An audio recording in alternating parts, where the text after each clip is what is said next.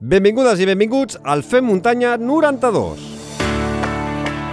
Comença Fem Muntanya, el programa de l'esport outdoor en català, amb Xavi Alujas.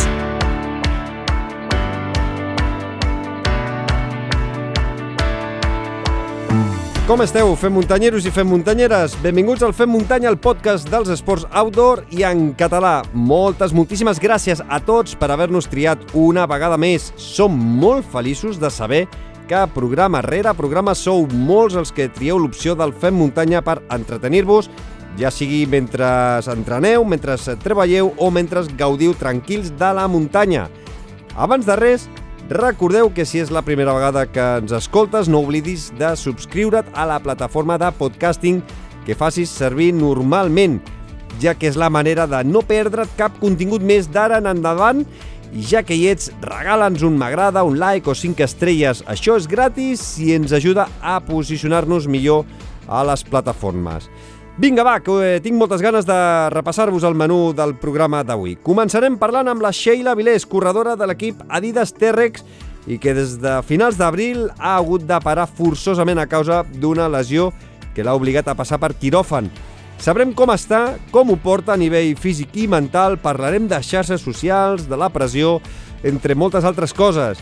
A continuació, viatjarem fins a Oix, un petit poblet de l'Alta Garrotxa, centre neuràlgic de la Trepitja Garrotxa. Parlarem amb el Moi Charles, organitzador d'aquesta prova que es porta celebrant ja des del 2014 i que viu un moment molt feliç. Atenció, perquè ja us avanço que tindrem una inscripció per sortejar. I la cosa no acaba aquí, perquè avui podreu escoltar la conversa que tots els mecenes del podcast ja han pogut escoltar des de fa moltes setmanes amb la Gés Bonet. Amb la nostra entrenadora de capçalera vam fer una masterclass sobre les baixades, com millorar-les des de diferents punts de vista i els mecenes, doncs ja ho saben, que de, de tant en tant anem penjant converses que només ells poden escoltar abans que ningú. I, evidentment, entrarem a la biblioteca del programa acompanyats pel Marc Cornet i tindrem les reflexions finals del nostre coach esportiu, en Guillem Marchal. De seguida saludem a la Sheila Vilés, però deixeu-me que us faci una recomanació. Si no teniu plans pels eh, propers 1, 2 i 3 de desembre, us recomano que viatgeu fins a Eivissa per córrer la 3 dies Trail Ibiza. Podreu triar el número d'etapes i la distància que vulgueu fer i així us munteu la vostra pròpia experiència. Gaudireu de tota la història i de la natura més salvatge de l'illa ibicenca i a més podreu triar pack amb hotel a preus molt reduïts i el vol per anar-hi us sortirà molt més bé de preu si ho compreu amb antelació. Si us inscriviu a la seva web i a l'hora de pagar feu servir el codi FEM Muntanya, us descomptaran un 5% del preu final. Deixeu-vos sorprendre per l'illa d'Eivissa i gaudiu de la natura. Nosaltres us esperem a tots i a totes a la nostra gran comunitat Fem Muntanyera a Telegram. També ens trobareu a Twitter i a Instagram com arroba femmuntanya i ja sabeu que teniu la nostra pàgina web femmuntanya.cat per trobar tots els articles i tots els programes anteriors. I recordeu que teniu un correu electrònic femmuntanya arroba femmuntanya.cat a on ens podeu fer arribar les vostres consultes. Feta aquesta introducció de rigor, ara sí que ja ho tenim tot a punt, així que ens lliguem les sabatilles i sortim a fer muntanya. Subscriu-te al podcast de Fem Muntanya. Amb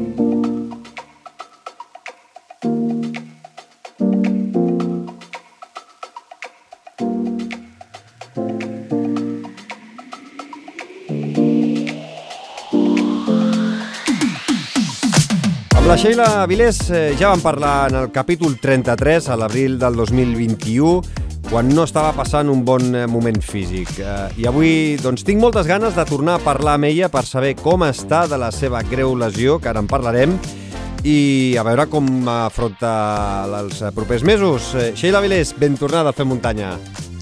Hola, un plaer tornar a estar aquí. Espero que, a veure si a la propera conversa, em porte... aquesta és la, la teva segona doncs, visita al Fem Muntanya, la tercera doncs, eh, sigui no, per parlar d'altres coses que no sigui de lesions.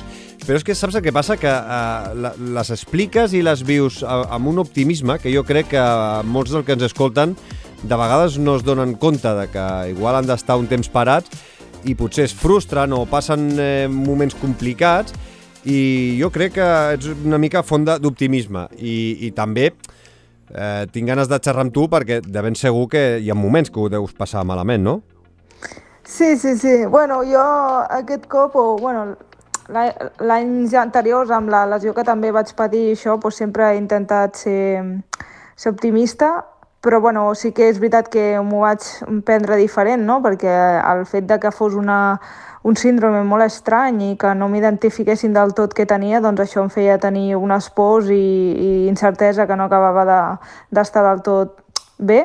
I aquest cop al final doncs, crec que aquells dos anys de, de lesió amb aquest síndrome em van fer aprendre moltes coses i per això aquest cop, doncs, mira, desgraciadament m'he lesionat però sí que estic amb una altra perspectiva, tal com has dit, molt més optimista i aprofitant per, per fer altres coses i, i bueno, disfrutar també de, del moment. Uh -huh. a, a veure, el, eh, posem una mica en antecedents. Eh, jo crec que la majoria de fem muntanyeros eh, doncs, deuen seguir a Instagram, deu, deuen seguir les teves uh -huh. evolucions, però eh, per si hi ha algú que, doncs, que no et segueix o, o que et coneix menys, doncs eh, posem una mica d'antecedents. El passat 3 de maig vas fer el teu primer post a Instagram on informaves que t'havien operat d'un trencament complet del tibial posterior del peu esquerre i a dia d'avui, doncs, no sé com et trobes, en quin moment de la recuperació estàs, perquè ja t'he vist que has fet una miqueta de bici a través del teu compte d'Estrava. Sí, bé, exactament, tal com has dit, em vaig fer una ruptura completa del tendó del tibial posterior, que és el tendó lateral, de, diguéssim, de l'interior del peu, no? que, que bueno, una de les funcions que té també sobretot és eh, a, o sigui, elevar, diguéssim, l'arc plantar no, del peu, entre moltes d'altres, però, però bueno, es va trencar per un sobreús que ja des de l'any passat portava unes molèsties i sobretot doncs, inflamació al tendó amb bastant líquid i bueno, vam intentar recuperar-ho parar, deixar d'entrenar i tot per a veure si recuperaven, però bueno, desgraciadament pues, eh, al final va acabar trencant-se.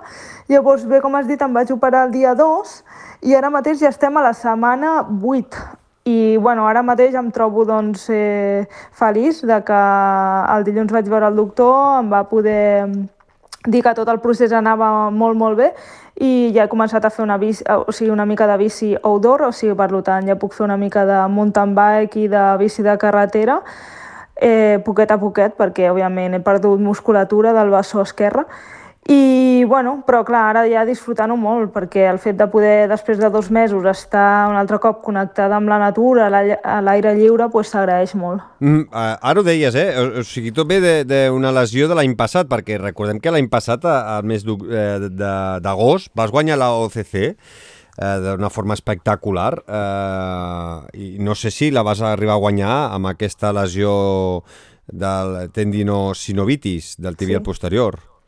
Sí, sí, bé, com has dit, la vaig guanyar pues, ja tenint aquest dolor, també la meva limitació de les costelles i a sobre tenia la tendinocinovitis del tibial posterior. Eh, bé, tot va començar, crec que a partir del Campionat d'Espanya del quilòmetre vertical que, que vaig fer aquí al, a, diguéssim, al Berguedà, i no sé per què ben bé em van començar com aquestes molèsties, em va quedar com un punt crònic i a partir d'aquí doncs, vaig intentar doncs, eh, mirar molts metges, òbviament, que tinc molt bon equip, i tractar-m'ho, però bueno, em deixava fer dues setmanes, una havia de parar, feia dues setmanes bé, tornava a parar, i al final no em deixava tenir molta, molta diguéssim, de constància, eh? però bueno, em va salvar la, vaig poder salvar la temporada, vaig poder acabar, tot i tenint aquestes molèsties, guanyant un Montblanc i acabant cinquè en el Mundial, però, però bueno, la, la, la molèstia i el dolor persistia i cada cop anava més. Això significa potser, Sheila, que la lesió que t'has fet ara a finals d'abril és per una mala recuperació, és a dir, de no haver recuperat bé, d'haver continuat doncs, eh, entrenant i, i forçant? Mm, bueno, possiblement sí, possiblement no, no ho sé. La veritat és que, mm, que al final jo anava tenint, o sigui, tenia un recolzament mèdic i, i realment feia a casa tots els passos que de manera més conservadora amb els metges. Eh, el que està clar és que bueno, jo ja tinc, que, suposo que per, per tots els anys que porto i la meva anatomia, pues, pues tinc una forma, aquests tendons poder diferent a la resta, llavors bueno, a, a, em creava com un rosse que això m'anava creant un, un, un líquid i una inflamació constant, i bé, també tinc com a nivell biomecànic molta pronació i, i jo crec que bueno, per, quan van obrir van veure com estava el tendó ben bé, ells creien que ja no era tant com a nivell de no curar-ho bé, sinó que era un tendó de, de tota la meva vida i de tots els anys molt castigat era un tendó malalt i que havia de patar, no? I llavors, bueno, eh, vam fer tot el que estava a la, a la nostra mà, no? Jo aquest any no vaig voler arrencar la temporada, no, no se'n va veure cap competició perquè volia recuperar-me bé i, de fet, vaig estar parada pràcticament un mes i mig sense córrer ni fer res i anant a Barcelona a fer tractaments mèdics, vam fer PRPs per intentar recuperar, o sigui, tractament de plaquetes, després vaig estar fent la superinductiva, que és una màquina com una magneto molt més, bueno, molt més potent, però tot i així no, no va haver manera, no? I llavors per això dic que probablement sí, probablement no, no? Jo crec que al final aquest tendó ja portava molts anys i sempre tenia algun, alguna molèstia. L'any passat és veritat que se'm va cronificar una mica més perquè no, no estava descansant del tot, però bueno, tampoc no, no me'n penedeixo, eh? Mm uh, sí, ara jo pregunto, clar, tu ara, uh, a, a veure, per diferenciar una miqueta, no?, de, de Sheila Vilés a qualsevol, potser, a qualsevol oient que ens pugui escoltar i que, doncs, evidentment no sigui professional de, de, del trail. Uh, com, com ho haguessis afrontat eh, si no haguessis pogut tenir tota aquesta ajuda eh, mèdica que, que tens? És a dir, haguessis hagut de parar doncs, durant molt més temps sense poder entrenar o, o potser, no sé, haguessis hagut de deixar la, la, la, la, la, la carrera de muntanya? Et refereixes amb el tema d'ara de, de l'operació? Sí, o abans de l'operació, és a dir, clar, abans de l'operació, quan, quan ara t'has lesionat eh, per culpa doncs, de, de, de no haver recuperat bé, d'haver continuat, doncs, potser haver entrenat i fins al moment que et trenques a, a finals d'abril, sí. clar, és a dir, tot, tot aquest procés que has fet de, de lo que deies, ah, no? la magnetoteràpia, de tot el tractament de plaquetes, tot això, si no t'ho haguessis eh, fet, eh, clar, igual t'haguessis lesionat abans o és a dir, tot i l'ajuda que has tingut mèdica, t'has acabat trencant. Mm, clar, no sé si una persona, sense, sense totes les, les ajudes eh, mèdiques que has rebut, eh, doncs s'hagués trencat abans i potser hagués hagut de deixar, doncs, eh, durant molt de temps, eh, deixar de córrer, no sé. Jo crec que no, eh? jo crec que al final les ajudes que he tingut jo estic molt agraïda perquè òbviament el suport que tinc també des de la Blume d'aquí, de, de Barcelona doncs, tinc un recolzament de molts metges que han estat darrere i això sí que ho agraeixo perquè al final no, no em deixen, sempre estan a sobre meu. I sí que tenia la sort no, de poder fer aquests tractaments de poder PRP que a nivell econòmic una persona amateur o normal se les hauria de hauria d'invertir aquests diners i òbviament molta gent no podria fer-ho, però realment crec que això va ajudar però no era la salvació, no? Al final aquest tendó no hi ha un tractament que sigui una panacea, eh, o sigui, realment el tendó va seguir el curs que havia de seguir, no? Jo crec que es va trencar perquè ben bé s'ha vist que per molt tractament que fessis aquell tendó no, no estava bé, no? si no segurament després d'haver parat no se m'hagués trencat. Llavors, penso que qualsevol persona, o sigui, al final a nivell econòmic poder sí que no tindria aquests recursos, però tot l'altre, doncs, eh, jo per exemple el tema de la superinductiva, coses així, són coses que jo també m'estava costejant i al final també molt tractament era tractament actiu, és a dir, exercicis que jo havia de fer cada dia, que ho podria fer qualsevol persona, no? Al final eren exercicis isomètrics, eh, excèntrics, progressius per a aquest tendó, bueno, com tractar una, una rehabilitació d'una qualsevol tendinopatia, no? I al final bueno, jo crec que això està a l'abast de quasi tothom al final. Mm -hmm. eh, la greu lesió, el trencament arriba a finals d'abril, em sembla que estaves mm -hmm. a les Canàries, no? O amb, sí, sí. l'equip. No, no, aquí jo estava a les Canàries amb l'equip, això va ser unes setmanes abans que estàvem de training camp a la, al Playita Resort, però sí. jo em vaig trencar justament quan estava a La Palma, que estava amb Andrés Arroyo, el meu sí. entrenador, i bé, no estàvem ni entrenant, únicament que que bueno, vaig anar perquè realment ja teníem els vols i tot agafat, eh, ho havíem fet perquè tenia la idea d'aquest any concursar a la Transvolcània, a la de 70, i llavors per tant volíem pues, saber el recorregut, veure-ho tot, visualitzar-ho i estar allà una setmana, i ja com teníem tot agafat, pues, vam marxar igual, tot i sabent que no estava ni per córrer, ni per caminar, ni, ni, ni pràcticament entrenar, perquè ja et dic que em feia molt, molt mal, i allà jo sabia que uno anava bé, no? I per això dic que justament va ser tontament com me'l vaig acabar de trencar perquè van ser en dos gestos, un va ser sortint de la platja on estàvem prenent el sol i estava com fugint d'una ola gegant i allà ja vaig notar que algú se m'havia bueno, se m'havia trencat segur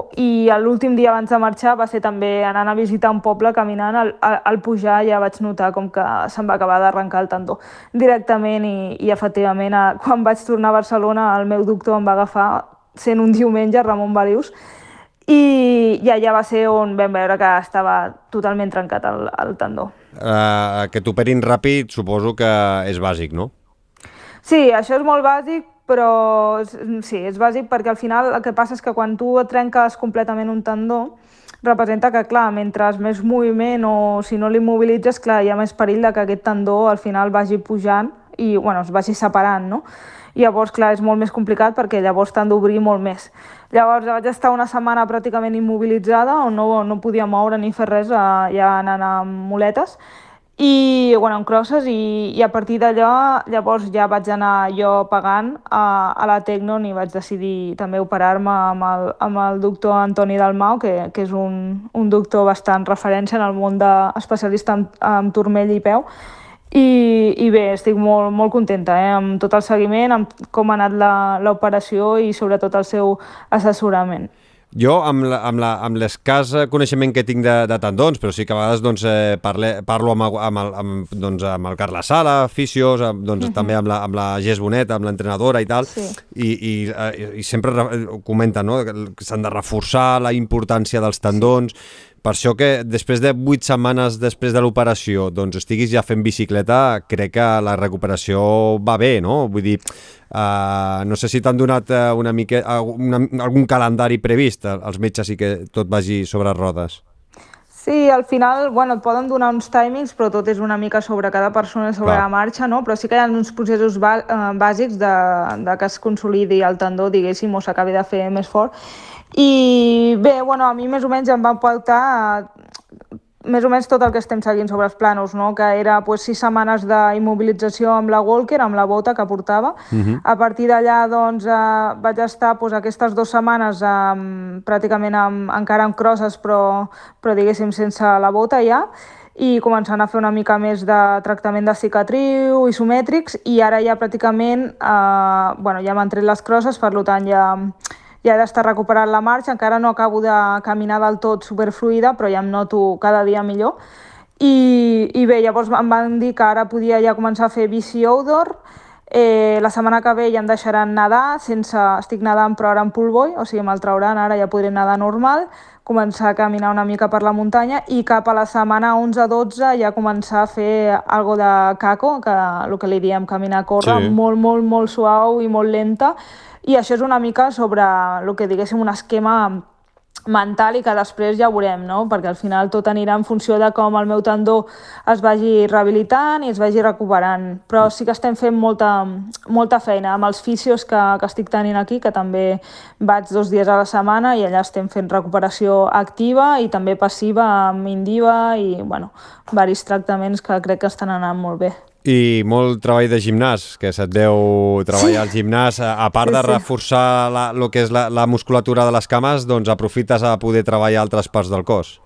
Sí, bé, m'ha anat molt bé pues, realment fer el gimnàs perquè, eh, bueno, encara que tingués la cama immobilitzada, vaig estar des del dia següent de l'operació pràcticament fent, fent tot tipus d'activitats. El meu metge em va pautar que mentre no mogués aquella cama, tot l'altre, el que és tronc superior i, i la meva cama bona, doncs que li havia de fotre canya per intentar que no s'atrofiés la musculatura i així va ser. Llavors ara mateix ja m'he adaptat a una rutina on estic aprofitant doncs, per enfortir la musculatura i no perdre aquesta força perquè així quan torni un altre cop doncs, a la muntanya doncs, almenys estigui la musculatura ben forta i, i no hagi de començar de zero amb tota la resta. Sou molt bèsties, eh? Tots els que us dediqueu a... O sigui, tots els professionals del trail, tots els que li dediqueu hores de forma normal, és a dir, que la vostra feina es dedica a això, eh, qualsevol persona mortal, eh, normal i corrent que ens pugui estar escoltant ara, eh, té una lesió d'aquestes que està immobilitzat durant sis setmanes i no es posa aquí a treballar altres parts del cos o difícilment es dedicarà a, Vull dir, eh, bueno, al final és la vostra feina i intenteu, sí. evidentment, que quan eh, tot aquest mal son, no? quan la lesió s'acabi, doncs eh, poder sortir el més forts eh, possibles. Uh, sí, sí. Uh, Sheila, um, no sé com t'ha afectat uh, aquesta nova lesió, és a dir, eh, has, has estat dos anys pff, mm, dolents amb això, uh -huh. amb, amb aquesta estranya lesió de les, de les costelles, que no sé si al final uh, has tingut un, un diagnòstic i un tractament o no? Com, com va acabar el, el, el tema? Sí, sí, sí, jo això ja després dels dos anys de tornar-me boja em van diagnosticar que tenia un síndrome de les costilles deslizantes, per tant, això és un síndrome que, que el tindré per vida, no sé que m'operi, però ara mateix aquí no, no hi ha cirurgia, és als Estats Units. Llavors, bé, és una lesió, bueno, no és lesió, és un síndrome molt nou, vale? que el que passa és que les costelles flotants són molt més flexibles de lo normal i llavors mecànicament quan tu et mous o estàs col·locat en una postura, vale, això fa que aquestes costelles es desllissin i estiguin pinçant un nervi intercostal. Vale? Llavors, quan aquest nervi queda el toquen o es pinça, diguéssim que això provoca un dolor cinturó, com jo li dic, sí. no? que, que va des de l'esquena a, a tot el que és davant no? i, i bueno, provoca pues, molts dolors um, i bloquejos del diafragma, no, diguéssim. Llavors, per això és tan dolorós. El que passa és que ara mateix aquí a Espanya eh, hi ha molt poca gent que, que sàpiga ben bé quins són els tractaments adequats a seguir, sí que hi ha una mica... Comencen a haver cada cop més estudis.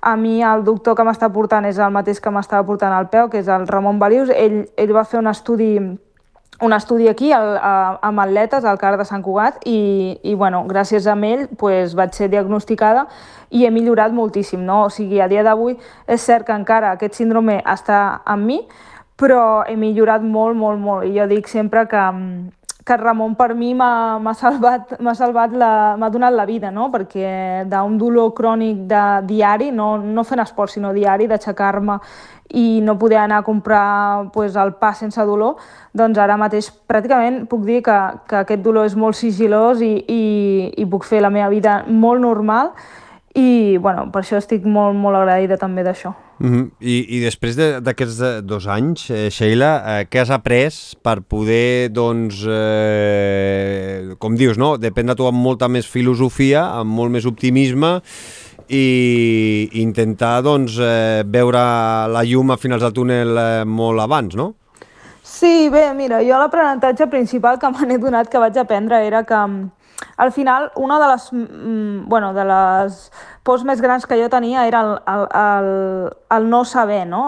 l'antiga lesió. I ara sí que és veritat que des de, estic molt des de la calma, perquè al final sé el que tinc, no? sé que m'he trencat un tendó, i llavors això, des del moment que ja sé que aquest tendó està trencat, ja sé que requereix una cirurgia i requereix uns mesos de recuperació.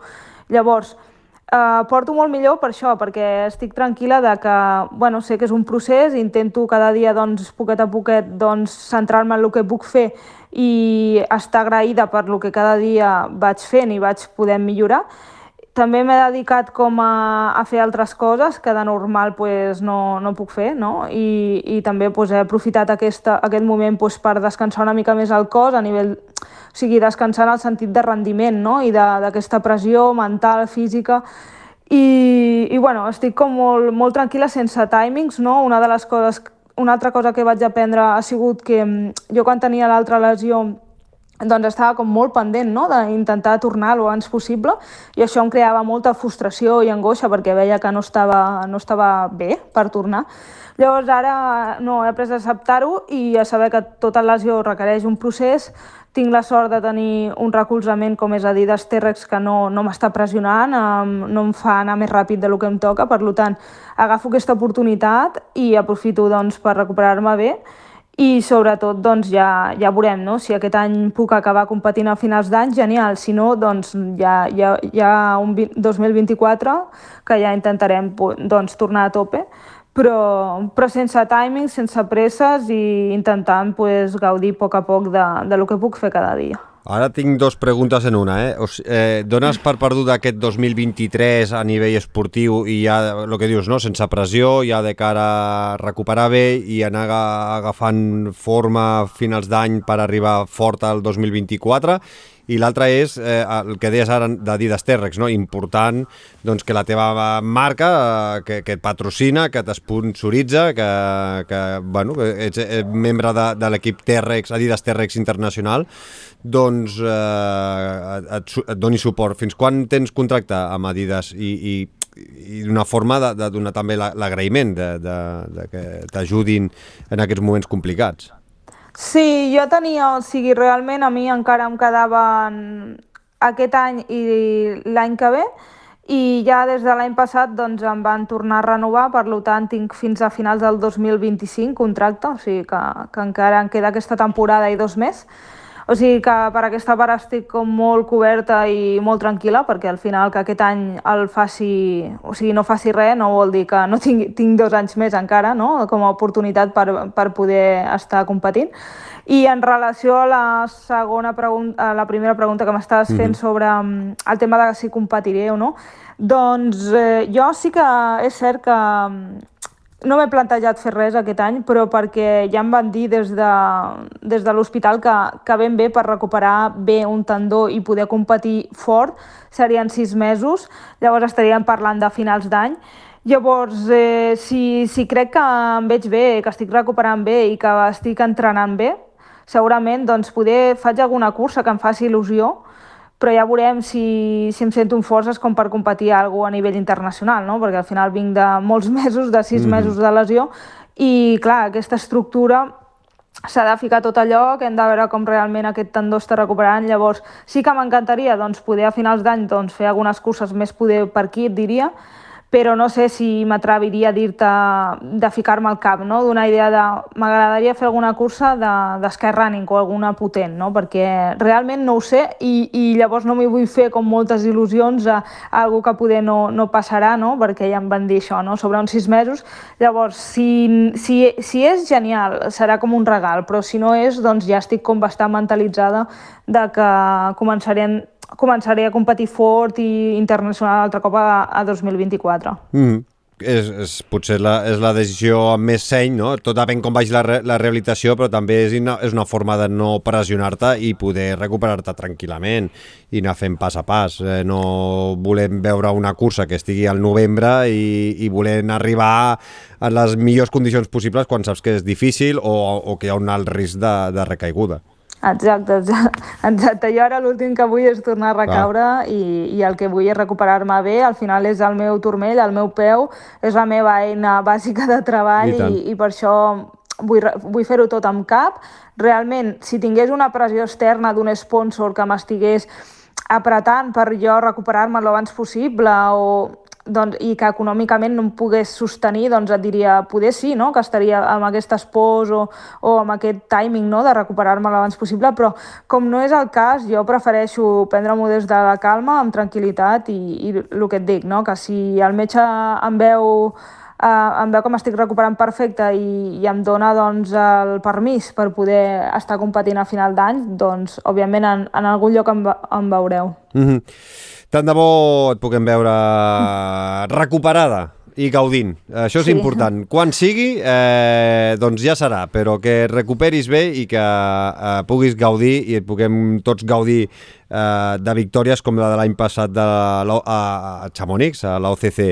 Escolta, eh, deu fer ràbia per això, després de dos anys eh, que estàs, eh, guanyes una OCC, ets campiona en quilòmetre vertical, escolta, i, i pum, i, i, i aquest any 2023 és en blanc, eh? eh sí, sí. Eh, ha de fotre ràbia mental. Eh, ara, ara parlaves d'aficios, parlaves de, de doctors, de metges que t'han donat un cop de mà. Has hagut de necessitar l'ajuda d'algun psicòleg eh, per evitar doncs, altibaixos i, i poder doncs, eh, tenir eh, mecanismes i tenir eines per poder doncs, eh, veure les coses com les estàs veient?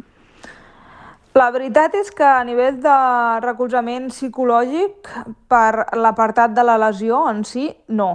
O sigui, a, a, o sigui anteriorment sí quan vaig estar els dos anys aquells, eh, sobretot vaig, vaig sentir-me com, com molt vulnerable, que havia perdut molt la confiança, sobretot em sentia que no, no em sentia confiada en mi mateixa, perquè després de dos anys tornar a competir a, a, als nivells, per exemple, sobretot l'any passat sí que vaig, vaig necessitar no? tenir una persona que, que, que m'ajudés molt al meu costat, però bueno, en aquest cas em va ajudar a preparar la OCC la Mireia Miró, no? que, que em va estar donant molt suport i em va anar superbé, eh, la veritat. Però ara ja, aquest cop, eh, crec que no, perquè ja et dic que des de bones a primeres ja m'ho vaig prendre molt, ho vaig acceptar molt, sí que és veritat que no et mentiré, o sigui, òbviament al principi estàs trist i, i et crea angoixa perquè dius quina mala sort, no? perquè porto dos anys malament, torno l'any passat a fer una temporada genial que em va costar molt tornar a estar al lloc on, on, on vaig estar, realment, perquè tornar a agafar aquells nivells de, de forma pensava que no hi tornaria i, i vaig poder aconseguir-ho. I per això jo crec que aquest va ser un altre aprenentatge que vaig fer a la lesió, no? que si després de dos anys eh, que pensava que no tornaria mai a ser davant, vaig tornar-ho a fer, ara penso, també ho puc tornar a fer, saps? Vull dir, no, llavors m'ho he pres amb aquesta filosofia, llavors mm, no he estat, um, vaig estar al principi una mica trista, però de, de fet ja en seguida em vaig posar més positiva i vaig focalitzar-me en el que havia de fer, amb la rehabilitació i a distreure el cap fent altres coses com estic fent ara, eh? estic fent, bueno, eh, ja m'he apuntat com a un màster nou, eh, estic liada també a vegades fent les retransmissions a TV3 de les curses, eh, segueixo fent un, uns altres cursos, he començat a estudiar anglès, o sigui, no paro, saps? Però estic ben entretinguda. No, no, això està bé, o sigui que et veurem ara a TV3 a la Mountain Epic eh, a, la, a, a 8 a 8 o no? No, jo faré la de, ja n'he fet unes quantes, sí? però jo estaré a la setmana següent a Valdaran. Amb, amb, aquesta... amb l'Albert Jorquera?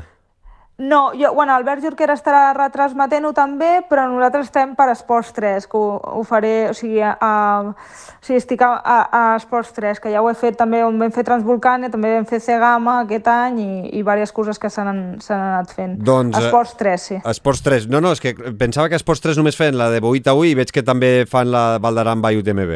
Sí, ah, sí, sí. molt bé, doncs escolta, eh, tindrem dos eh, caps de setmana superinteressants, sí. així que posem dos pantalles eh, per poder-vos seguir i poder-te poder, -te, escoltar. Escolta, et fa ràbia veure que hi ha els teus companys i les teves companyes corrents i que tu veus des d'una pantalla o no? Bueno, la veritat és que, la veritat és que no, eh? estic bastant contenta de mirar-ho des d'una altra perspectiva, em fa il·lusió i tot, o sigui, com poder tenir l'oportunitat no? d'aquesta porta que s'ha obert de fer les retransmissions i estic com molt agraïda, molt contenta, m'ho passo molt, molt bé i normalment, clar, sempre estàs a dins i no, no pots disfrutar-ho d'aquesta forma i, i aprens molt, perquè realment pots, pots, pots aprendre moltíssim no? de com gestiona cada atleta la, les seves curses eh, en tots els nivells, no?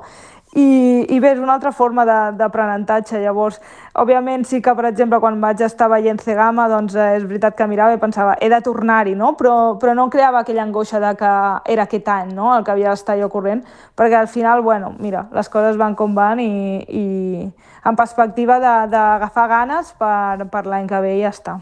Eh, ara estava pensant, dic, escolta, t'agradaria, per exemple, eh, quan puguis tornar a córrer i, i, es, pugui, i es retransmeti doncs, alguna cursa per Esports 3 o, o, o que es pugui veure per YouTube, per algun canal d'alguna cursa, doncs veure la retransmissió que han fet eh, sobre tu, una de les teves victòries, i, i, i després veure-la des de casa i dir, ostres, doncs mira, aquí, tot i haver guanyat o no haver guanyat, doncs veure els teus errors, no, suposo que això, tu com a esportista d'èlit, eh, tens l'ull clínic per veure doncs, quan un esportista va bé, no va bé, no? És més fàcil de, de poder-ho localitzar.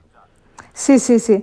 Sí, sí, exacte. Bueno, al final l'experiència fa que, que més o menys sàpigues llegir tot el tipus de terreny i els, els esportistes. I bueno, sí, jo crec que això seria xulo de poder veure quan jo estigui corrent, doncs eh, després analitzar-ho a casa i, i veure-ho tot. I al final sempre fa il·lusió, sobretot perquè les retransmissions doncs, la, la fa gent que coneixem, no? propera, i, i bueno, sobretot veure els comentaris, no? també és curiós doncs, veure que, quines opinions tenen sobre tu o que, com pensen que gestiones guanyes la cursa, llavors és sempre bastant divertit no? de poder veure-ho a posteriori. Cada dia van millorant per sort a eh, sí. la, doncs, la tecnologia i, i es va invertint més diners també en, en poder comentar el, les curses. Eh, cada dia doncs, ja no només curses curtes, sinó cada dia també doncs, curses més, més, més llargues, de, de més hores, eh, maratons de, de muntanya, tant Esports 3 com sobretot eh, amb l'Albert Jorquera, Evasió TV. Sí, sí. Doncs, escolta, es fan unes retransmissions espectaculars i en condicions eh, de vegades força difícils. Des d'aquí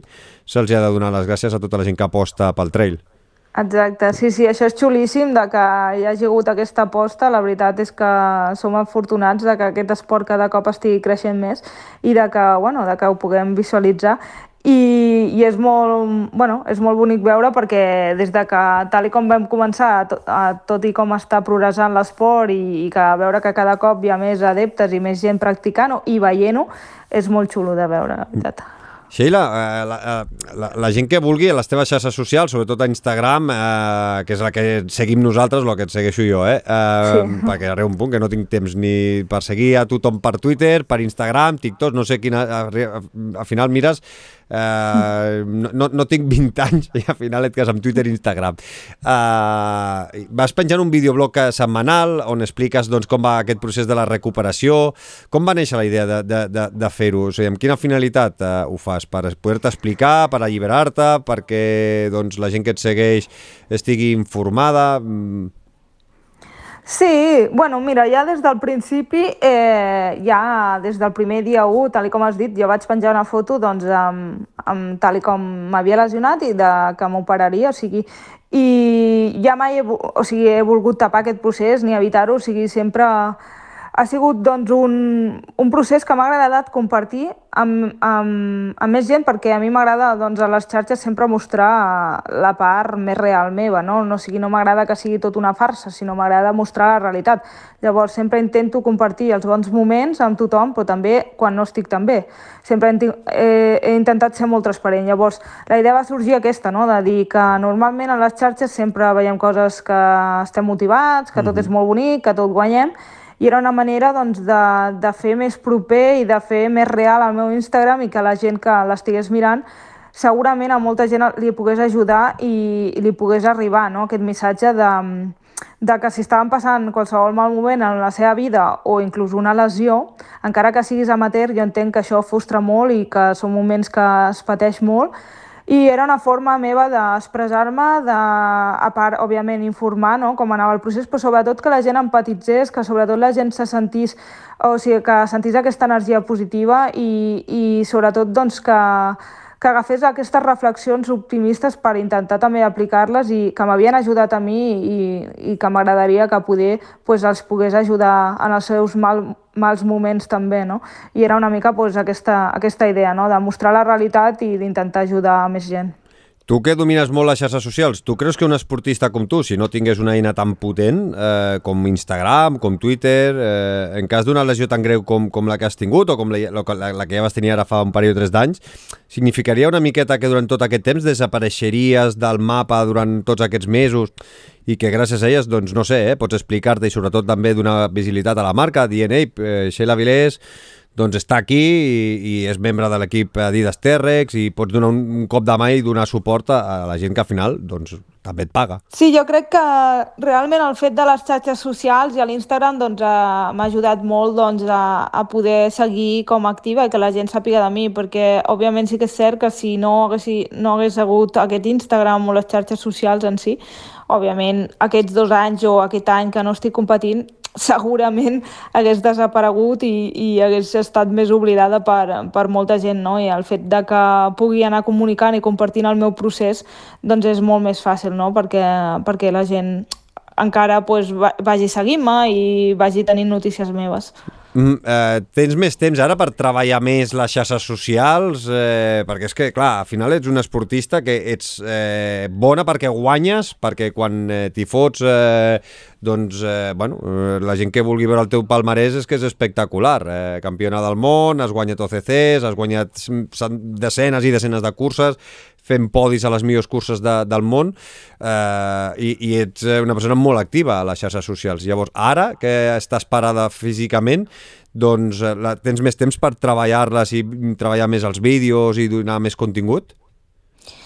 Bueno, bé, uh, realment tinc el mateix temps, eh? perquè al final el que et deia, vaig bastant liada amb mil projectes i, i bueno, tinc la sort de que aquest any també vam començar un camí junts amb Via on Track, que, que bueno, estic molt agraïda també perquè és una agència de comunicació que també eh, una de les seves, bueno, dels seus objectius doncs, era poder ajudar-me a mi a, a manegar tot, tot el tema d'aquestes idees o, o d'aquests projectes no? de vídeos i llavors també, abans m'he oblidat de dir-ho, però gràcies a ells doncs al veure que vaig fer el primer post que no em feia res compartir que estava lesionada i que tenia aquesta cirurgia, doncs va aparèixer també doncs, la idea de Beyond Track, no? de, de, d'editar no? aquests vídeos uh, per, per poder construir aquests videoblogs. No?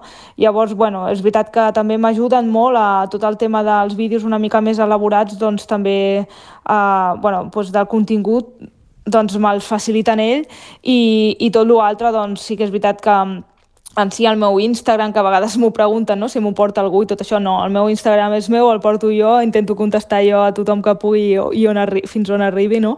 I, i el dia a dia és pràcticament meu, no? però tinc la facilitat o la sort de tenir via un al costat que també m'està ajudant a l'hora de crear contingut i idees xules. Mm -hmm. eh, un, tu que reps molt, molts missatges de, doncs, de suport, d'ajuda a través de, de les teves xarxes, eh, de tots els missatges que, que reps d'ànims, eh, quins són els que potser t'ajuden més i quins són els que potser desanimen o et posen una mica de, de, de mala lluna? Bé, al final cadascú sí que és veritat que cada lesió el seu procés el viu de diferent forma, llavors a vegades és complicat, no? O sigui, segons quins eh, ànims o quins consells volem donar, no? Perquè poder tu estàs en una perspectiva o en un mood i una altra persona doncs està en una altra, no? Jo sempre intento doncs eh, bueno, donar consells no? de que al final hem de relativitzar no? i al final el primer pas és acceptar la lesió, el segon lloc doncs, ficar-se mans a l'obra, rehabilitar-se i, de, i sobretot això no tenir pressa i sobretot doncs, gaudir de, del dia a dia, del moment. No? Aquest és el meu millor consell i, i que agraeixo molt que tots els consells de tothom, perquè sé que al final tots els eh, consells o tots els missatges d'ànim són amb tot l'amor del món, mm -hmm. no? de, de gent que et segueix, que sé que no és amb mala fe. Llavors, bueno, intento doncs, prendre-m'ho de cada cop que, que rebo algun missatge d'ànims doncs, de la millor forma, no? I, i bueno, si, si he d'escollir una mica o he de comentar el que poder penso, són comentaris que no calen, no? doncs poder són una mica doncs, aquests missatges d'ànims no? que, que en seguida ja volen, que tenen sembla que tinguin com ànsies de, de que competeixi ja, no? de, de, de que quan tornaré, no? I a vegades, òbviament sé que no és amb mala fe i és que tenen ganes de veure'm competir, però sí que penso que, que els hi contesto una mica, no?, de que al final tota lesió és un tendó trencat, té la seva recuperació, no?, i, i és com que jo no em poso preses però me la vol ficar la gent, no?, a vegades, però bueno, intento entendre, amb, o sigui, i entenc que, que la idea del missatge és simplement uns ànims i que tenim ganes de que tornis ja, no?, però, però bueno, poder seria una mica aquest, aquests missatges, no?, de, que no saps una mica per on agafar-los. Mm. Sheila, vaig acabant. Uh, escolta, uh, actualment, uh, amb el teu entrenador, l'Andrés Arroyo, uh, seguiu algun planning d'entrenament? De, Evidentment, doncs no pots córrer, ara tot just comences amb la bici, però vull dir, mm, teniu allò, eh, una escaleta de planificació com podies fer eh, abans de la lesió, tot i que no puguis entrenar, doncs bueno, doncs, toca fer això, aquest gimnàs, toca fer eh, això altre... No, no, no perquè ara mateix, o sigui, jo o sigui, amb Andrés estem en contacte cada dia, eh? jo cada dia li passo els entrenos, que, el que faig, de, cada dia ens comuniquem i, i, i fins i tot ara estem veient-nos bastant perquè tenim un projecte en ment que, que arrencarem aviat. Llavors, eh, és veritat que, que bueno, no perquè hem decidit, òbviament, si està, si està lesionada, doncs eh, derivar tot aquest procés a, a una re rehabilitació, no? i llavors estic en mans de d'aquests uh, fisioterapeutes no? del meu equip, de Fisiogesami. Llavors tot ho portem allà una mica i jo també segueixo fent, òbviament, també tinc coneixements no? I, uh -huh. i, mhm. i sé el que he de fer i fins on puc arribar. No? Llavors, tenir un, un, un planning crec que crearia estrès, no? perquè al final és sí. com una mica que he de seguir alguna cosa i intentar fer una hora de bicicleta per dir-te alguna cosa i poder aquell dia el meu, el meu tendó no, està ressentit i, i poder no cal, no? Llavors hem decidit una mica escoltar-nos, jo vaig fent cada dia sobre el que, sobre el que puc i òbviament quan el tendó aquest estigui molt més avançat ja començarem amb una planificació, però però que crec que primer hem de, de, de complir aquests passos i aquests timings de, de rehabilitació per poder ja començar a entrenar, no? perquè al final tot el que estic fent ara és rehabilitació, no, no és un entrenament per rendir o mantenir la forma per rendir, o sigui, és, és realment o sigui, començar no? aquest return to play d'una lesió. Uh -huh. I acabo, Sheila, uh, ha variat uh, o has canviat alguna cosa a nivell nutricional uh, o, o t'alimentes igual que abans de la lesió? Bé, eh, bueno, intento alimentar-me sempre de forma saludable, m'agrada menjar sa. Eh, estic sent poder ara en aquest procés una mica més flexible perquè al final tampoc tinc cap competició a la vista i llavors eh, intento pues, aprofitar aquesta flexibilitat de que ara no, no, no ve d'assistir amb més o menys greix o, saps? El que vull dir no, no importa mm -hmm. gaire perquè fins d'aquí sis mesos no competiré. Llavors intento doncs, menjar bé perquè m'encanta, eh, segueixo un pla nutricional que ja m'està preparant doncs, Anna Grífols, que, que actualment Home. estic Gran, amb... gran, gran amiga del programa.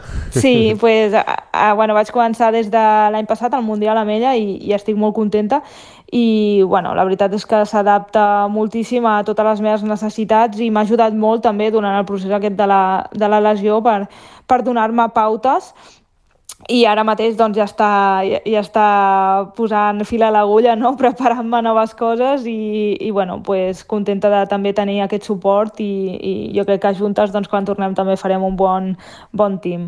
I tant que sí. I escolta, si estàs rodejat de, de grans professionals com l'Anna, l'Andrés doncs, eh, i tot l'equip sí, sí. d'aficions, eh, de ben segur que sense pressió, a poc a poc, eh, pas a pas, eh, et veurem un altre cop brillar, perquè, escolta, eh, si has pogut tornar a guanyar com ho vas fer l'any passat a la OCC, que és un dels exemples, després de dos anys doncs, eh, dolents, eh, allò que dirien eh, no, a l'infern esportiu, sí, sí doncs eh, de ben segur que d'aquí sis mesos, eh, quan tot estigui en ordre, doncs eh, et continuarem ve veient doncs, competint. Suposo que ja el que ja vam parlar i el que ja has dit en altres entrevistes, doncs la teva idea és cada vegada anar allargant la, la distància, no? O anar tirant més cap a les ultres. Sí, la meva idea era aquesta, però al sí. final t'has d'adaptar una mica tot al moment i, bueno, per desgràcia, doncs, al haver-me trencat el tibial, crec que ja no sé si, clar, quan comenci a córrer ja directament em passaré a fer alguna ultra, perquè realment crec que hauré de començar com a construir passet a passet i llavors poder uh, començaré a fer alguna una mica més curt fins a marató i en funció de com evolucioni doncs si, a veure si puc acabar fent alguna ultra l'any que ve sí que és el que més il·lusió i, el, i amb la meva ment tenia però bueno, o sigui, al final les expectatives doncs, a vegades no es compleixen i llavors eh, sí que sent una mica, doncs, tenir una mica conscient no, de, del procés d'on vinc i com em trobo ara mateix, doncs podem tocar doncs, començar una mica a passet a passet abans de saltar a les ultres. I tant, eh, això és el primer que tot, eh, tot entrenador diu i, i és la, una mica eh, la mecànica, vull dir que per arribar a córrer una ultra primer has de córrer a distàncies més curtes eh, trobant-te perfectament, no pots passar una ultra saltant a passos i menys després d'estar de, de, aturada. Eh, Sheila Vilés, com sempre, és un plaer cada vegada que parlem junts, eh, aquí al Fem Muntanya el temps passa volant, eh, perquè parles ca clar, parles català, eh, t'expliques perfectament, fem classes de, de medicina, de fisioteràpia, de com portar xarxes socials, eh, escolta, eh, és que ho expliques perfectament i al final sempre ve de gust eh, escoltar-te. Espero que tinguis una recuperació bona eh, i esperem doncs, eh, veure't eh, quan sigui, sense cap mena de limitació temporal, doncs que et puguis calçar les, les sabatilles i tenim seguint les teves xarxes socials també. Una abraçada ben forta i que vagi tot molt bé. Moltes gràcies. Busca'ns i segueix-nos a Twitter, Instagram i a Telegram.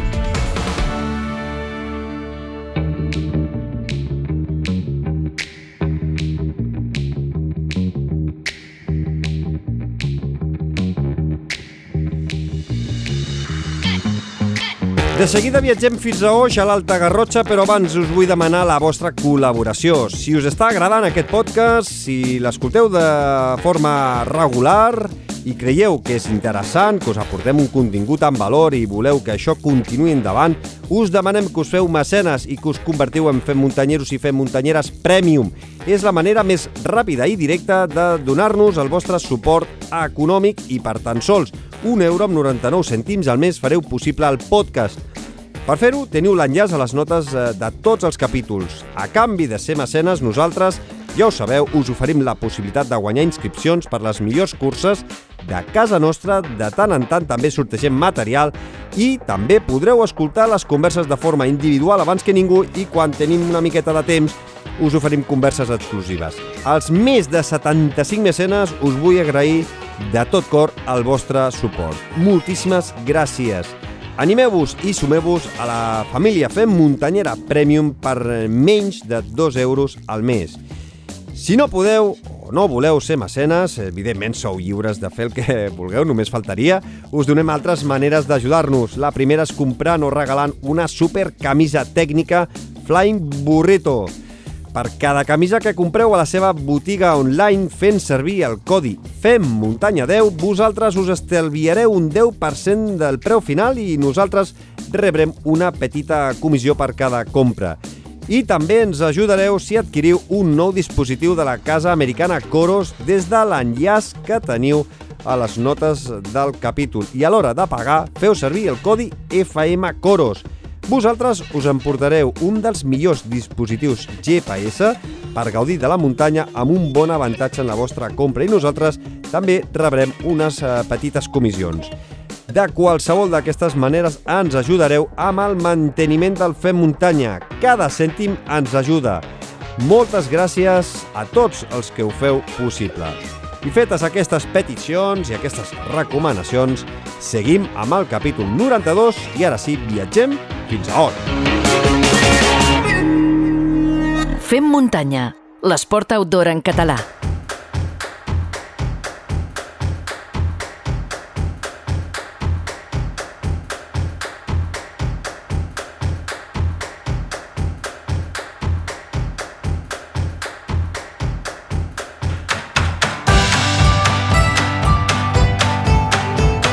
Els eh, propers 21 i 22 d'octubre teniu una cita amb una prova en una de les zones menys conegudes potser de Catalunya i que flipareu si, si hi aneu. Em refereixo de la Trepitja Garrotxa, una prova que descobreix l'Alta Garrotxa i que té com a punt neuràlgic Oix. Per conèixer-la eh, ens acompanya en Moi Charles, eh, director de la Trepitja Garrotxa. Moi, benvingut al Fem Muntanya. Ben, gràcies, moltes gràcies.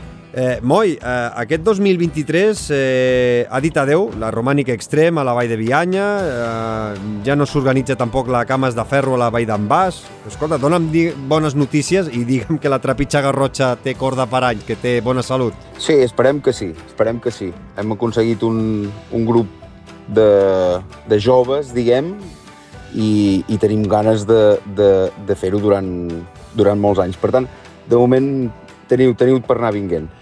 Eh, què, què és el que passa? Eh, Que a una de les zones que per mi són de les més maques de, de Catalunya, més especials, més diferents d'una zona a una altra, que, què passa a la Garrotxa? Que eh, hi ha tantes curses que en un mateix any han desaparegut. Amb la Romànica, amb el David Darner, n'hem parlat moltes vegades i, i ens ha donat doncs, els motius pel qual doncs, la Romànica ha desaparegut però clar, és que ara com a curses eh, que et vinguin al cap, a la Fageda hi ha cursa i, i vosaltres, i, i com a cursa de muntanya, Poca cosa més. poca cosa, més. Sí, la veritat és que al final quan organitzes una cursa així necessites molts voluntaris, molts. I porta molt de temps previ que no es veu. O sigui, la gent veu ben bé el dia de la cursa, però porta molt de temps previ de, de preparació, diguem. I, I crec que gent com nosaltres, que ho fem per amor a l'art total, doncs costa trobar-ne, la veritat. Costa molt trobar això, els voluntaris. La Trepitja Garrotxa que la organitzeu des del Centre Excursionista d'Olot, no? Sí, correcte. Quantes edicions centre eh, porteu? Quina, quina edició sumeu en aquest any 2023? La 9, Nou. novena edició, Vau començar el 2014. correcte. Teniu cinc distàncies, és que déu nhi vosaltres també us emmerdeu, us agrada emmerdar-vos a base de bé, eh? Cinc distàncies Bueno, per, per triar... Ens costa poc. Sí, sí, o sigui, teniu cinc distàncies per triar, eh, per tots els nivells. Eh, teniu, per exemple, des de la de 20, 84 quilòmetres eh, de l'Ultra, el 53 de, de la Trail, teniu 23 quilòmetres, una més curta de 13 i la més curteta de totes de 9 quilòmetres. Com us ho feu? Eh, amb el que costa, el que dius ara, eh, de, de trobar voluntaris, de les hores que costa organitzar una distància o dos distàncies, com, com us ho feu per organitzar aquestes cinc distàncies durant tot un cap de setmana? Doncs, mira, primer de tot posant-hi molt de temps. O sigui, aquell cap de setmana som una sèrie de gent que vivim a Oix, per una cosa. I a part, llavors, eh, els avituallaments nosaltres els enfoquem, els hem fet per, per colles o entitats que hi han, que hi han aquí a Olot ja, ja constituïdes i llavors ells tenen un avituallament com si fos una festa. Llavors, bueno, és anar a passar el cap de setmana doncs, fent avituallament als corredors i, i així es fa, eh, es fa pinya i tal. Mm, perquè quants corredors eh, podeu acceptar o quants dorsals poseu a la venda en total entre les cinc distàncies? Mira, posem a la venda 800 dorsals i t'explicaré el per què. Perquè aquests 800 nosaltres sabem que els hi podem donar eh, un bon servei a tots. Llavors, no ens interessa ser 2.000 perquè igual hi hauria algú que marxaria descontent. Llavors, amb la infraestructura que tenim, sabem que amb 750 corredors 800 màxim, eh, tothom pot acabar ben servit, que diem. Mm, La, I i d'aquests 800, evidentment, no són 800 en un sol dia, sinó són uns quants. No, no, que- són, són, són repartits. Entre dissabte i el gran diumenge. volum de gent, sí, el gran volum de gent, diguem, el tenim el diumenge, que, és, que hi ha les tres curtes. I que són més, eh, més corredors hi ha. És a dir, és, em sembla que és, és possible no? que la Ultra siguin 100 corredors només, la de 53, Correcte, la- 150... Correcte? Després la de 23 són 250, la de 13 250 i la de 9 50. Mm. Mm, I a falta de, de, encara que falten 3 mesos llargs, 4 gairebé, com va el ritme de- d'inscripcions? Perquè ja estan disponibles i la gent que ara ens està escoltant i vulgui córrer a l'altre Pitxagarrotxa es pot eh, inscriure ja mateix. Sí, correcte. Uh, mira, la veritat és que van força, força igual que l'any passat. L'any passat vam tenir uns 750 corredors. Vale? Per tant, jo espero aquest any eh, emplenar. O sigui, 800, Fer els 800. corredors al màxim. Qui, qui, quina és la cursa que no va... qui- O quines són les curses que van quedar algun dorsal per, per vendre?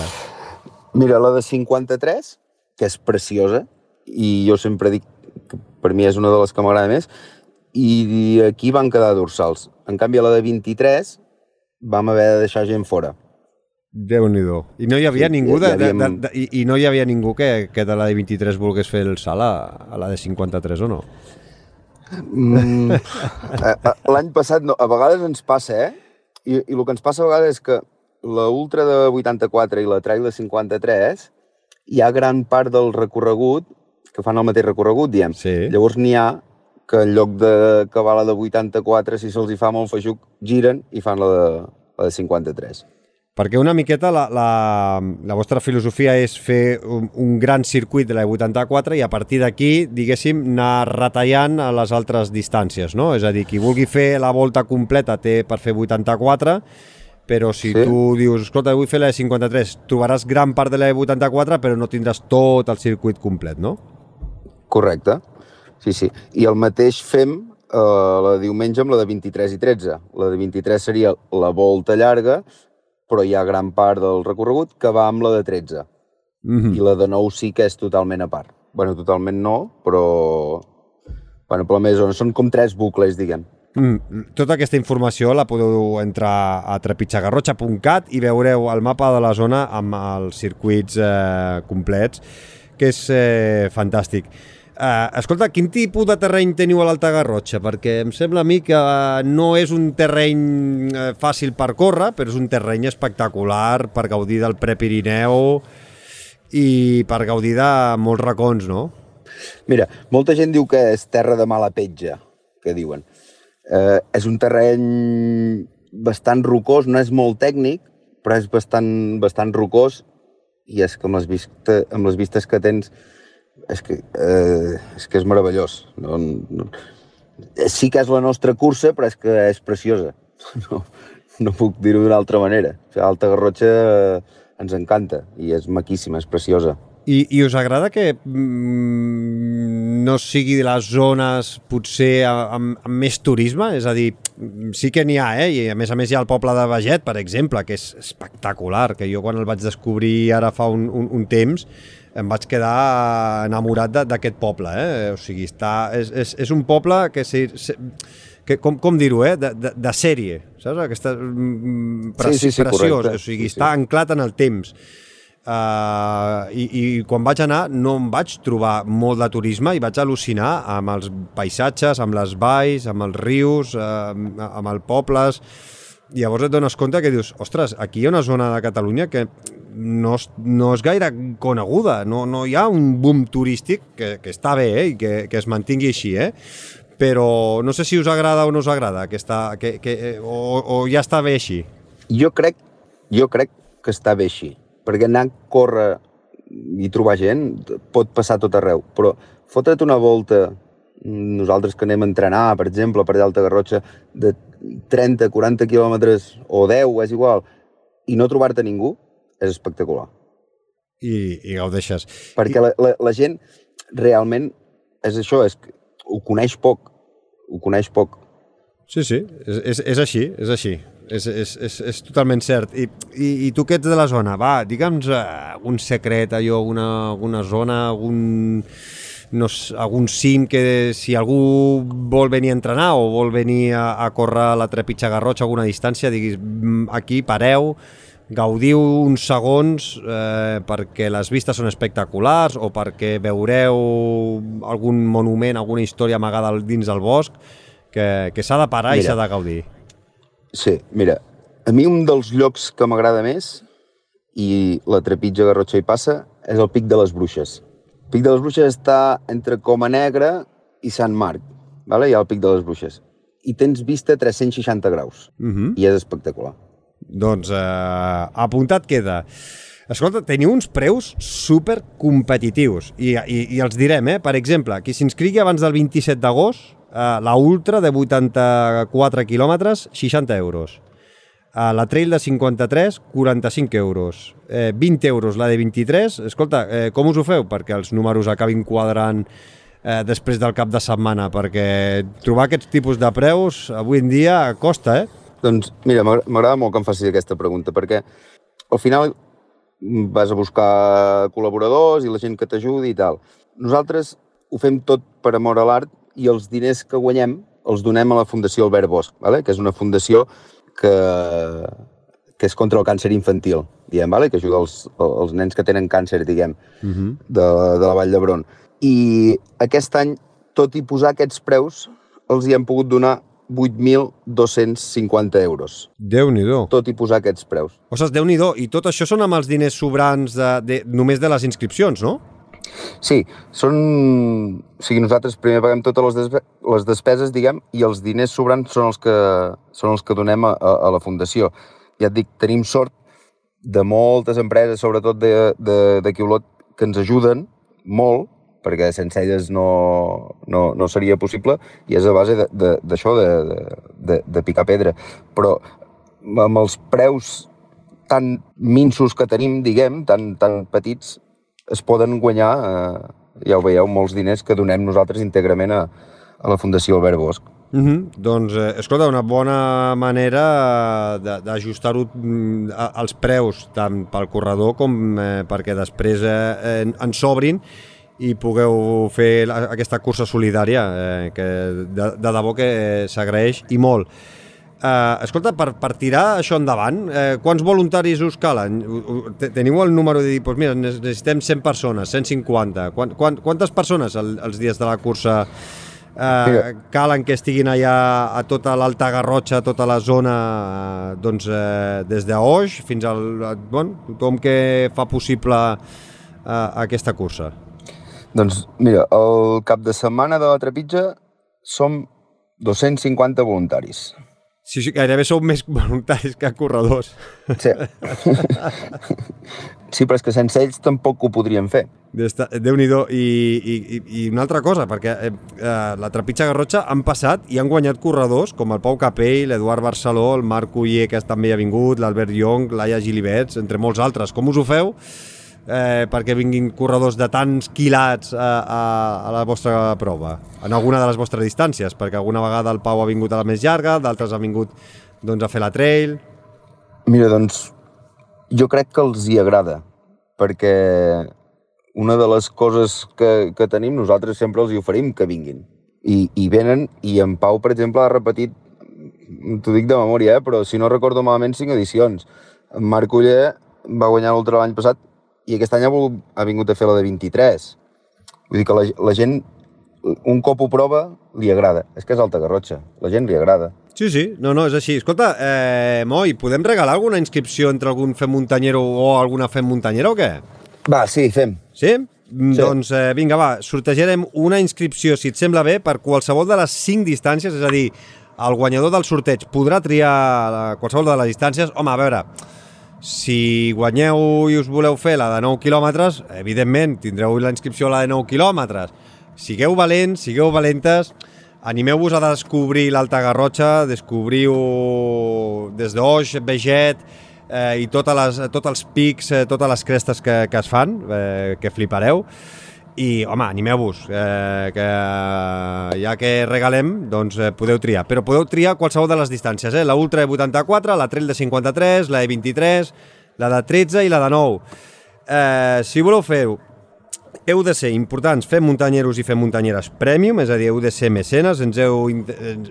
Demanem sempre la, la, la col·laboració dels oients, eh, perquè si ens ells no podríem tirar el podcast endavant, és molt fàcil ser mecenes per tan sols un euro amb 99 cèntims al mes i ja ho sabeu que us donem la possibilitat de guanyar inscripcions gratuïtes a les millors curses de casa nostra i com en aquest cas és la Trepitja Garrotxa. Què heu de fer? Clicar l'enllaç que teniu a les notes d'aquest eh, podcast, d'aquest capítol i fer-vos mecenes. Si ja ho sou, i us ho acabo de fer ara mateix, doncs eh, escoltareu un àudio en exclusiva per tots vosaltres, eh, on explico, on us, us faré una pregunta molt fàcil, molt senzilla, i entre tots els que l'encertin, que normalment l'encerta tothom, doncs eh, entreu en el eh, sorteig d'aquesta inscripció per la Trepitja Garrotxa. Teniu temps des d'avui dijous 29 de juny, que és quan eh, publiquem el capítol 92, fins al proper dimarts 11 de juliol i donarem el nom del guanyador o la guanyadora en el proper capítol 93 que publicarem dijous 13 de juliol. Molta sort a tothom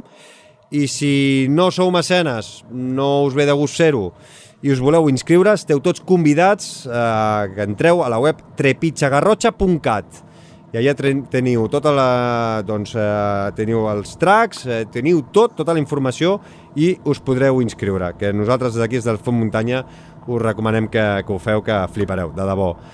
Escolta, Moi, eh, si tot va bé, a veure si ens veiem el 21 i 22 d'octubre, que tinc ganes de córrer pel pati de casa vostra. Espero, espero veure, Xavi. Doncs moltíssimes gràcies per participar al Fer Muntanya. Una abraçada i ens veiem aviat. Cuida't. Igualment, cuida't. Envia'ns les teves opinions a través de Twitter, Instagram o del correu electrònic femmuntanya arroba femmuntanya.cat.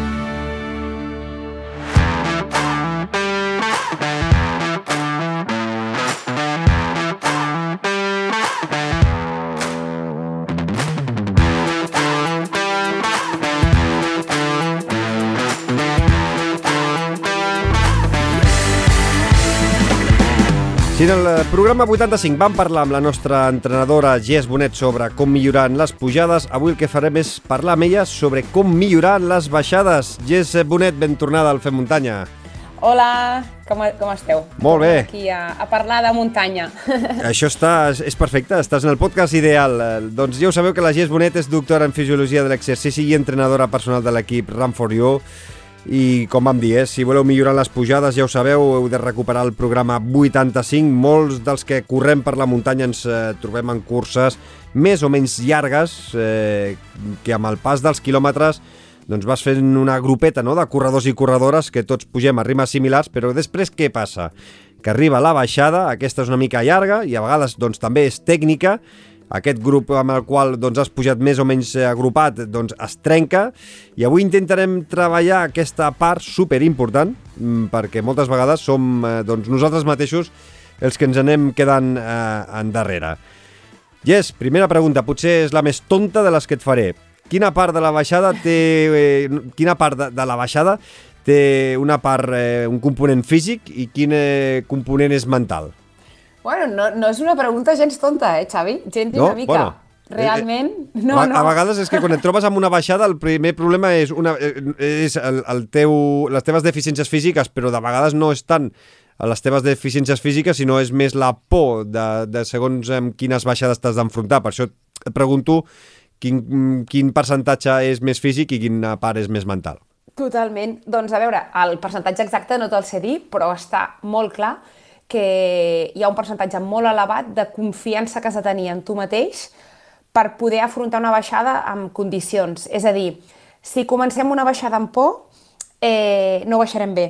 I si comencem una baixada com una cabra boja, tenim un cert risc d'anar-nos en el terra. Val? Llavors jo crec que és molt important treballar la confiança en les baixades, és un procés mental que no es guanya d'un dia per l'altre, és a dir, si algú ara de cop i volta es, es comença a escoltar el podcast Fem Muntanya i, i vol fer baixades, doncs el primer dia segurament li costarà. Llavors, el que hem de fer és anar guanyant confiança, posant mm, diferents terrenys i cada vegada una miqueta més complicats i a partir d'aquí anirem guanyant confi aquesta confiança mental. Després, evidentment, necessitem un tema físic que ens acompanyi eh?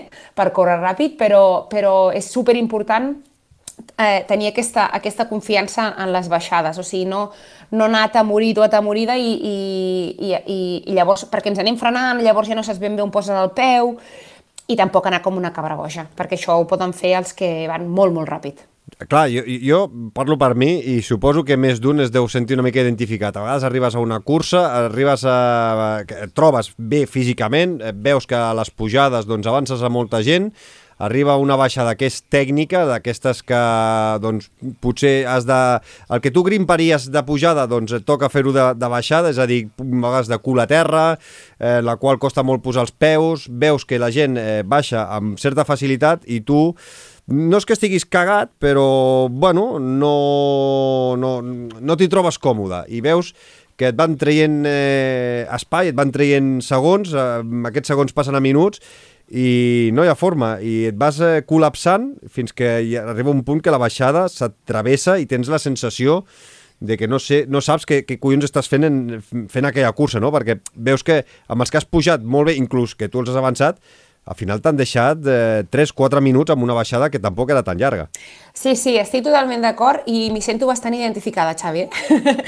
eh, però jo et diré que hi ha una tècnica que acostuma a anar molt bé i has dit al principi una cosa que li passa a molta gent, que és veig que la gent em va passant i m'estic fixant en una cosa que no sóc jo, m'estic fixant en el que estan fent els altres. Per tant, us diria que en una baixada és molt important la concentració que porteu fent aquesta baixada. Per tant, oblideu-vos del que passa al vostre voltant i mireu 3, entre 3 i 5 metres davant vostre i intenteu visualitzar per on passareu després i concentrats en el que esteu fent. Relaxats però concentrats.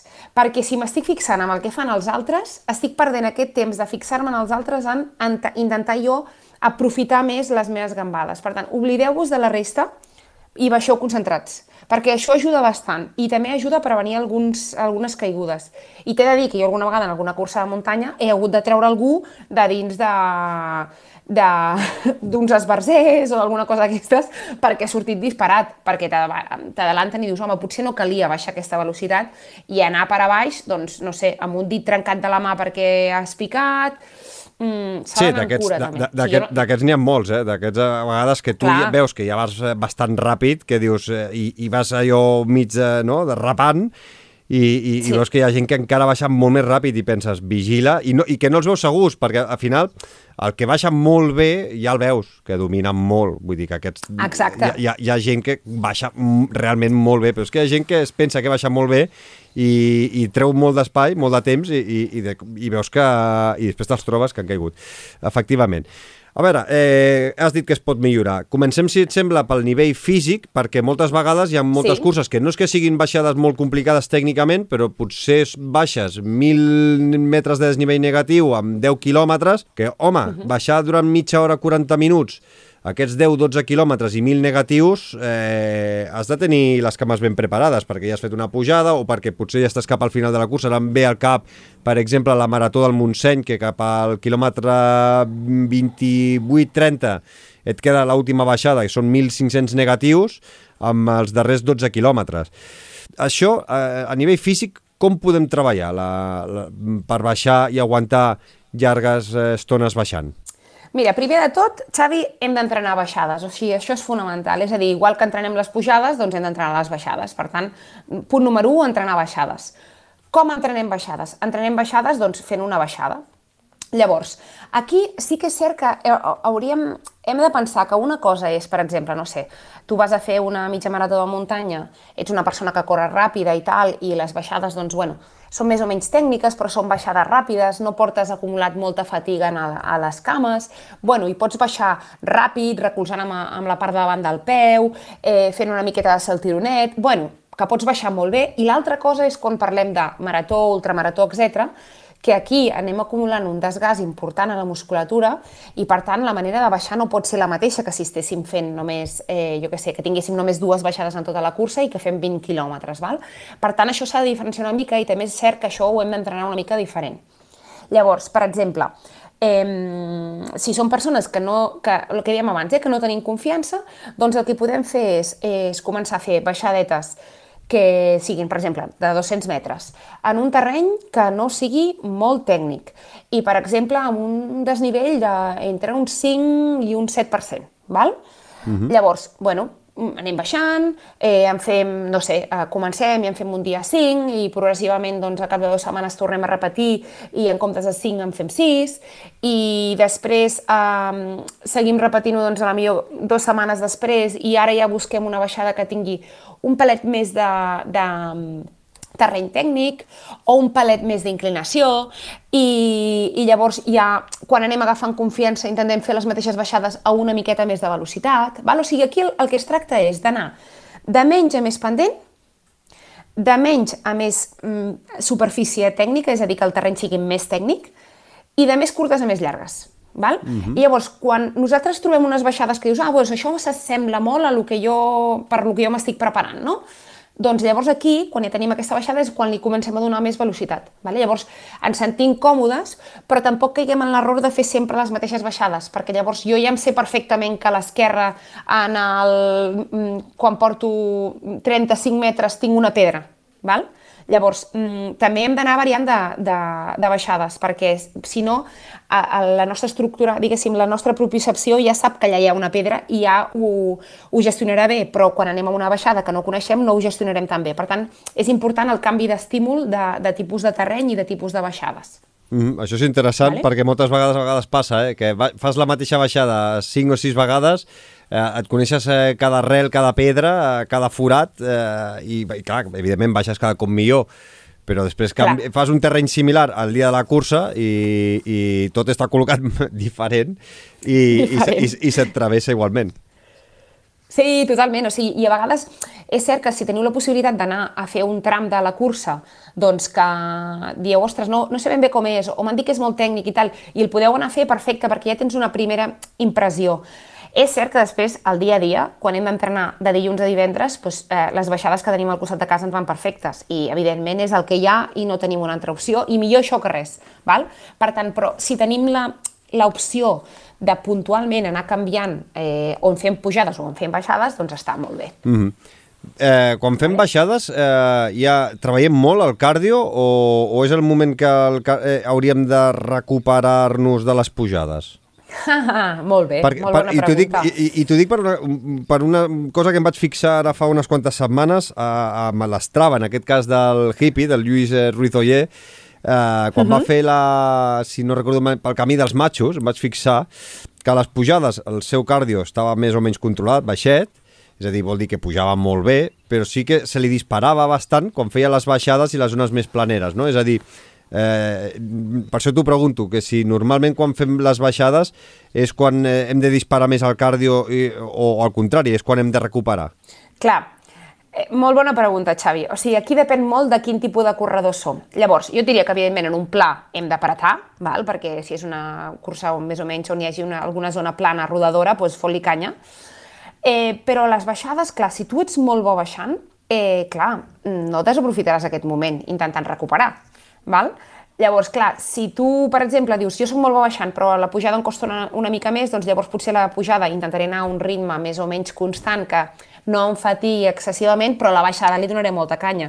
En canvi, si tu realment tens doncs, aquesta mica de, de por de baixar ràpid i tal, doncs el que intentarem és mantenir un ritme constant a la baixada, però ja se t'apujaran les pulsacions només de pensar el, o sigui, el, el, del, del neguit que et suposa la baixada. Val? Per tant, això ja, ja és un estímul extra el que fa pujar la, la, la freqüència cardíaca. O sigui, mm, per tant, hem d'anar a un ritme que sigui còmode, però tampoc relaxar-nos del tot. Val? Però sí que és cert que les baixades al principi haurien de, de, de suposar més un esforç a nivell muscular que no a nivell cardiopulmonar.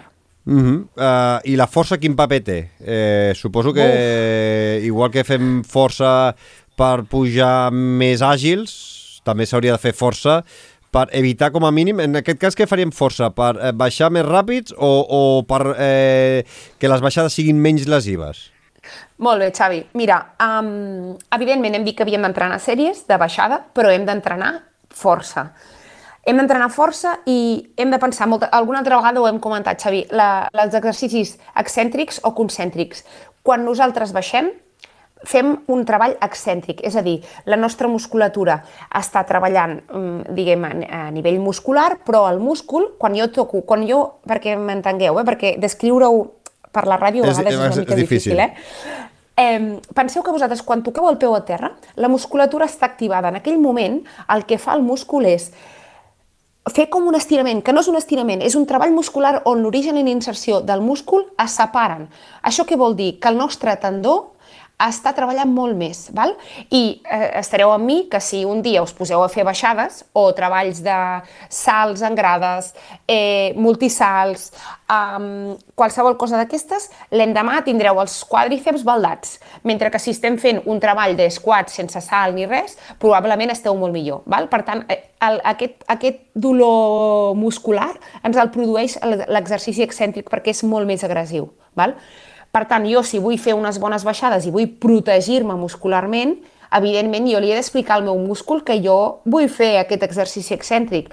Per tant, fonamental en corredors de muntanya fer exercicis de salts, escales, excèntrics amb el tirant de musculació, eh, exercicis de quadríceps, eh, quadríceps en excèntric, o sigui, això fonamental i saltets. Saltets poden ser verticals, poden ser horitzontals, poden ser salts a, a, a peu coix... Tot això s'ha de fer i, evidentment, quan jo faig l'exercici de les sèries en baixada, és un treball de força específic per corredors de muntanya. Per mm. tant, aquí també estic treballant a força.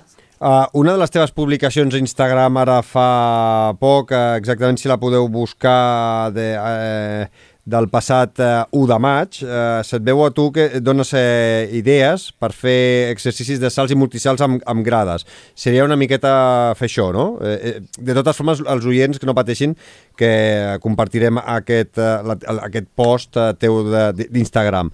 Però seria això, no? Treballar amb grades i, i escales, per fer per treballar mm, treba, salts amb, amb peu junts, amb uh, peu coix, tot això ens ajuda a enfortir excèntricament el, els músculs. Totalment. Aquí, en, precisament en aquesta publicació, hi havia un treball concèntric més, més de més concèntric, que és en el moment en què jo vull pujar la grada i faig força per pujar la grada, però eh, si us vau fixar, eh, la recuperació la faig amb salts de baixada, i aquí és on treballo més l'excèntric. Mhm. Mm Perfecte, doncs... Us en penjaré tenir... més, va. Si us ha agradat, en penjaré a, a, més. A mi m'encanten. Jo suposo que els oients, al final, eh, busquem eh, idees per poder fer a casa, perquè a vegades no, no tots podem anar al gimnàs o no tenim temps per anar al gimnàs, tenim poc temps i, i aprofitem el que tenim al voltant de, de casa per fer-ho. Eh, quants dies a la setmana podem fer treballs concèntrics i excèntrics? O ho podem fer tot el mateix dia? Ho dic més que res per tampoc lesionar-nos i tornar-nos bojos eh, fent força. Vale.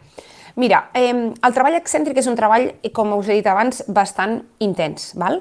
Llavors és un treball que, un treball que produeix eh, un dolor muscular i que produeix microrotures musculars. Val? Per tant, no és convenient fer un treball excèntric dilluns i dimarts anar a fer sèries a tope. Vale? Llavors, sempre hem d'intentar que si jo faig un treball excèntric, mm, el dia 1, el dia 2, tinc descans o el dia 2 tinc un rodatge. Val? Però no faig un treball excèntric i l'endemà o per la tarda me'n vaig, a, vaig a fer un, un entrenament intens de carrera. Val? perquè llavors el que estic fent és produir més dany muscular i no és convenient. Val? Llavors, jo puc fer una sessió on hi hagi concèntrics i excèntrics? Sí, clar, cap problema. Jo puc fer un treball de grades sense problema, amb concèntrics i excèntrics no passa res. Puc fer un treball eh, de, per exemple, eh, uns exercicis amb gomes, etc etc combinat amb uns excèntrics, cap problema, això no passa res. Val? S'ha de treballar tres cops per setmana l'excèntric? No, no, no, no, no, amb un en teniu de sobres. Val? I, I de fet et diria que mm, clar, depèn del el moment de la temporada, eh, si estic fent un, una preparació o estic fent una acumulació de càrrega i tal, doncs sí que puc, potser puc dedicar-li un parell de dies a fer salts, però tampoc cal que sigui una sessió sencera. Eh? És a dir, jo puc fer, per exemple, una, una sessió d'exercicis de, d'això, de multisalts, de grades, eh, d'uns 20-25 minuts i, i després eh, puc fer una miqueta de rodatge, val? un rodatge tranquil eh, però el que no puc fer és, és, és posar-hi després el, a, un exercici molt més intens. I si estic en una època de càrrega, doncs potser puc fer un parell de dies o potser puc destinar 10 minuts d'un escalfament a fer alguns salts, però que no siguin 100 salts, ai, 100 salts, perdó, 1.000 salts, o sigui, que siguin uns quants salts, no una barbaritat. Mm -hmm. Uh, sembla que així que dubtes que em passen pel cap, eh, Jess? Uh, hem parlat de sèries, hem parlat de força, hi ha alguna altra cosa que, que ens vagi bé per evitar les lesions i que doncs, les baixades siguin més segures? Mira, deixa'm que, uh, que no t'he comentat una cosa i, i és digues, important. Digues. Així, així com hem dit que hem de treballar mmm, força, evidentment, de cames i tal, hi ha una altra part del cos que és fonamental, que és la zona del core. ¿vale? Si volem protegir la nostra esquena, és importantíssim tenir el core superfort. Val? És a dir, ja podeu treballar cada dia exercicis de core. I cada dia vol dir cada dia. O sigui, vosaltres aneu a córrer a la muntanya, jo quan acabo de córrer a la muntanya, bueno, cada dia, a veure, tampoc ara ens flipem, eh? però eh, 3 de 5 dies core, ¿vale? Per què? Perquè jo vaig a, a, a córrer a la muntanya i quan acabo de córrer eh, diguem que la, la meva musculatura, doncs hem fet impactes, com, com l'esquena està, perquè m'entengueu, no super ben col·locada. Val? Llavors, jo acabo de córrer i no em costa res fer 4 minuts de core. Vale? Amb aquests 4 minuts de core, què estic fent? Li estic dient a la, a, la, a la meva musculatura abdominal, lumbar, estabilitzadora de tota aquesta zona, que realment eh, doncs, necessita, necessita tornar-se a posar a lloc, val? i d'aquesta manera doncs, eh, la, la segueixo protegint. Per tant, és molt important que ho feu. Es pot fer, si per exemple aneu a fer un entrenament de baixades, el podeu fer abans, perquè d'aquesta manera l'estic ajudant a activar.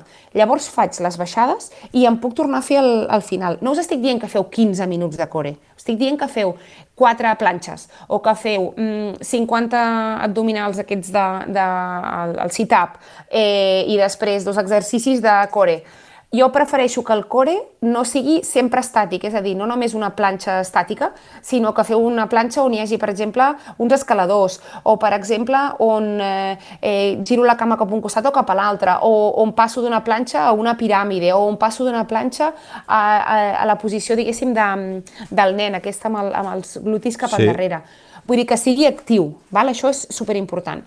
Això és, després... això és important perquè a vegades dius, ostres, fa, no tinc temps, eh, necessito, he sortit una hora a córrer, ara 20 minuts de core, o sigui, no cal 20 minuts de core, si fas 5, no. 5 8 minuts cada dia, és suficient, Perfecte. però has de fer-ho cada dia, no? O abans o abans i després de, de, de sortir a córrer. Totalment. O sigui, jo us recomanaria que si feu baixades, també ho feu abans, si voleu, per protegir una miqueta l'abdominal, la, vale? o sigui, la, bueno, la zona abdominal i sobretot la zona lumbar, perquè al final, quan treballem les planxes, treballem el transvers de l'abdomen, que és un múscul que va des de l'esquena fins al malic, vale? Fa, és el nostre cinturó natural. Llavors, si això està activat abans de sortir a fer les baixades, tenim més protegida l'esquena, val? però també podem fer-ho després, evidentment, no hi ha problema, però sí que us ho recomano perquè és molt bé. I després, propiocepció L'equilibri, eh? això- que a vegades, eh, que a vegades eh, vulgarment diem equilibri. Que, que molts, de, molts de nosaltres, m'incloc, tenim equilibri que, bueno, en fi, eh, a la mínima pedra que trepitges caus o la que et poses davant d'un bosso aguantes eh, 10 segons abans no caus. Exacte, o sigui, al final la propiocepció el que, el que fa, o sigui, el que és la propiocepció és donar-li al nostre cervell eh, que sàpiga en quina posició està el cos i com s'ha de moure en cada moment. Vale? Llavors, la propiocepció, o sigui, l'equilibri estaria dins de la propiocepció, perquè ens entenguem. Val? Llavors, jo el que vull és que el meu cervell veu que d'aquí a 3 metres hi ha una pedra. Llavors, jo estic avisant al meu cervell que la meva cama esquerra, quan vagi allà, ha de recolzar d'una manera determinada perquè hi ha una pedra. Val? Llavors, això és molt important treballar-ho. I com ho treballo? Puc treballar-ho fent salts a sobre d'un bosso, eh, puc treballar-ho fent algun exercici, eh, si voleu equilibri, doncs exercicis amb ulls oberts, ulls tancats, amb una cama, amb dos cames, en superfícies inestables, que poden ser un coixí, pot ser el matalàs del llit, pot ser el sofà, eh, qualsevol cosa d'aquestes. Eh, podem fer exercicis, ja et dic, o sigui, per exemple, peu, amb un peu coix i que de cop i volta et vingui un estímul de fora. Doncs mira, els que teniu fills, us tiro una pilota a un fill el, i vosaltres amb el peu al terra només a peu coix. I heu d'agafar aquest estímul que us farà anar cap a un costat i cap a un altre, per exemple. Curiós, molt bé. Vull dir, No, no cal que tinguem tots eh, un bosso a casa. És a dir, hi ha altres tipus No. de, hi ha altres tipus d'exercicis que, que ens, ens, ens estimulen a l'hora de, de tenir un millor equilibri. Totalment, o sigui, si teniu mm, dos coixins, ja en teniu, ja, ten, ja feu, ja podeu fer. Perfecte. A veure, hem treballat eh, la força, hem treballat les sèries, eh, com, com has dit, eh, anar acumulant eh, desnivell, anar acumulant distància, anar acumulant eh, dificultat tècnica. Amb tot això, si ho anem fent, automàticament anirem millorant la, la part mental o s'ha de treballar d'alguna forma més específica? A veure, jo penso que, que uh, treballant uh, específicament les sèries amb baixades i augmentant la dificultat tècnica, la part mental la vas treballant perquè et sents cada vegada més segur. Val? Llavors, que tu vols incrementar aquest tipus de treball, doncs, per exemple, exercicis que no hem comentat però que podríem anar fent, és, per exemple, jo vaig baixant i sabeu que els braços ens ajuden a estabilitzar molt la baixada. Si jo vaig amb els braços una mica oberts, vaig una miqueta més equilibrat, no? Llavors, per exemple, jo el que puc fer és que mentre estic fent aquesta baixada, doncs, per exemple, un dia porto un braç aixecat, eh, una altra estona porto el, un braç enganxat al cos, una altra estona porto les dues mans com a, com a enganxades aquí a la cintura, eh, com, com si anés a, a, a fer un ball tradicional. Sí. Eh, vull dir, qualsevol cosa d'aquestes, llavors és que com també, ah, vale, veig que puc fer això i puc seguir baixant i puc seguir fent-ho bé, val? llavors vull, puc anar donant com estímuls diferents i llavors el, mentalment em, em vaig sentint més segura quan vaig fent aquestes baixades. Mm -hmm. Doncs jo crec que hem anat tocant, no sé si hi ha alguna, algun, alguna cosa més que, que ens quedi en el serró, si no, de totes formes, eh, hem tingut una, una conversa llarga, eh, si algun oient té més dubtes sobre les baixades o sobre les pujades que no haguéssim explicat en el programa 85, el que fem com sempre és convidar que ens enviïn un correu electrònic a femmuntanya arroba femmuntanya.cat, eh, traslladarem els vostres dubtes a la GES i en futures seccions eh, doncs, eh, anirem resolent. Uh, no sé si ens ha quedat alguna cosa més o, o deixem que vagis a, a entrenar una mica, Jess. Mira, jo et diria, resumim quatre puntets de res. Mira, confiança a la baixada. Intentem portar sempre el centre de gravetat una miqueta baix. Si, si no som bons baixadors, recolzament de taló. Si som bons baixadors, recolzem amb la part de davant del peu. Em, passos curts si el terreny és molt tècnic. Equilibreu-vos amb els braços una miqueta oberts, baixeu relaxats però concentrats i imagineu que les vostres cames són petites molles i sempre hi ha d'haver una mica de flexió eh, en els genolls perquè no hi hagi tant d'impacte i no carreguem tant els quadríceps. Per tant, sempre una miqueta molla ens, ens va molt bé.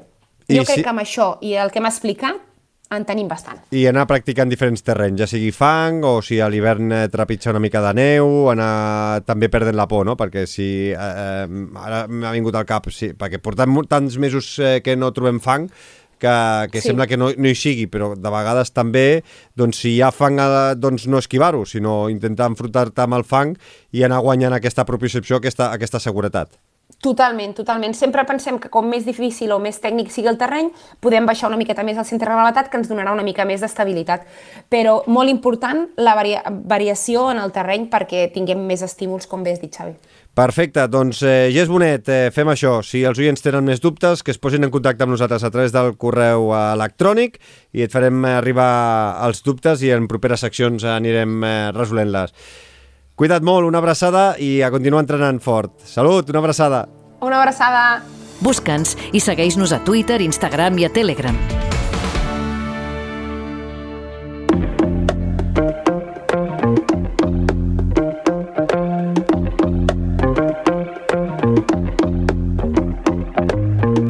Aquest mateix dissabte, 1 de juliol, arrenca a Bilbao l'edició número 110 del Tour de França, la cursa de ciclisme per etapes més important del món. Tot fa pensar que viurem un altre cop un cara a cara entre el danès Jonas Vingegaard i l'eslovè Tadej Pogacar, tot i que algunes veus sempre aposten pel seu propi candidat, i si no, escolteu-ho. retire at the end of my career and say, yeah, I won the Tour de France. It's man against man between the two top riders in the Tour.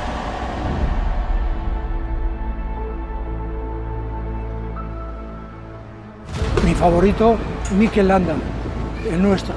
Yo creo que este año este, él les va a dar caña a esos, a los dos. L'aposta pel sempre indisciplinat i atrevit Mikel Landa no deixa de ser res més que l'aposta per un ciclisme que entén l'atac com a única estratègia. Avui, precisament, volem parlar d'aquesta forma d'entendre la vida que ha popularitzat el propi corredor basc i que ha passat a conèixer, com eh, molts eh, ho sabreu, l'andismo. El año pasado pues conocí la, la cara amable ¿no? del Tour, disfruté mucho pues porque es una carrera que, que te da mucho nombre y mucho reconocimiento y eso al final pues es, es muy bonito. Mikel Landa afronta la cita francesa amb les mateixes ganes que aquell 2017 en què va acabar quart en la classificació general, la mateixa posició que va repetir el 2020 en la seva última participació a la cursa. A l'espai de llibres del Fem Muntanya avui la cosa va de ciclisme o fins i tot encara anem una mica més enllà. Més que de ciclisme, avui parlarem de landisme o landismo, com es coneix en castellà la febre pel eh, Mikel Landa i el carisma que desborda el ciclista basc. Marc Cornet, com estàs? Molt bona, Xavi. Eh, tenia ganes eh, d'això, perquè amb l'arribada del Tour de França avui doncs, he cregut convenient parlar d'aquest moviment, del landismo. De fet, avui, amb la màxima sinceritat i també honestedat, em permetràs allò del vengo a hablar de mi libro, perquè la fita que ja fa 28 del nostre muntanya de llibres és Landismo, de l'editorial Libros de Ruta, i que compta amb escrits de 12 autors diferents, entre ells, entre aquests 12, també jo mateix. Avui amb la sintonia de, oficial del Tour de França, eh?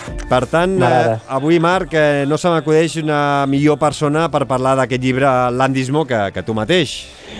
A veure, només sóc una de les 12 firmes que donen forma a aquesta boja idea que va tenir el periodista i editor de l'obra, el genial Marcos Pereda.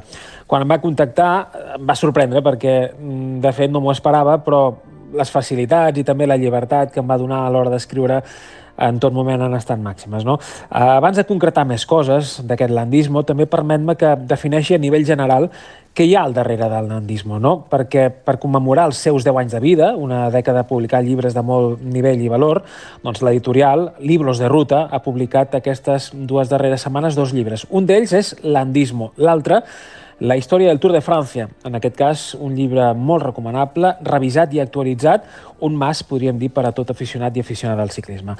La premissa, en el cas de l'Andismo, era clara i senzilla. 12 autors ben diferents i d'àmbits molt diversos, amb llibertat total, eh? i quan dic llibertat total vol dir llibertat total en majúscules, per escriure sobre un dels grans fenòmens del ciclisme actual, el landismo, és a dir, la forma d'entendre el ciclisme, però també la vida, que té el propi Miquel Landa. En aquest sentit, Marc, eh, entenc que hi, ha, que hi podem trobar absolutament de, de tot.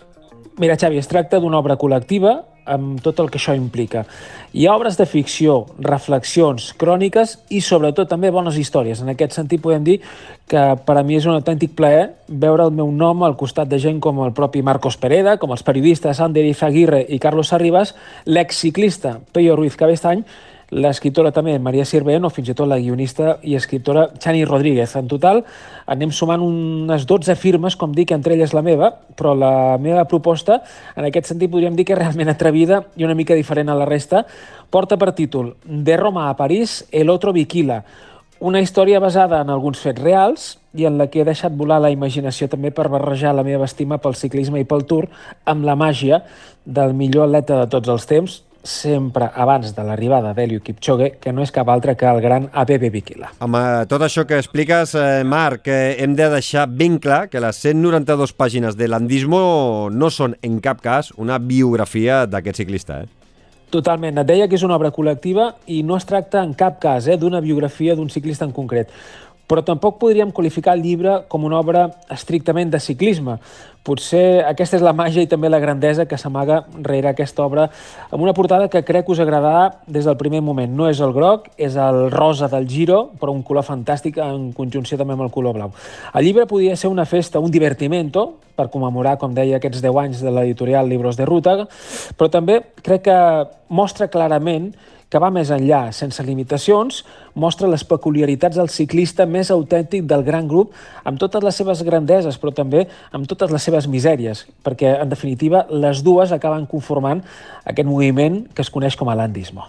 Llavors, eh, podem afirmar que en un món seriós i rigorós, l'andismo no, hi, no hi tindria cabuda.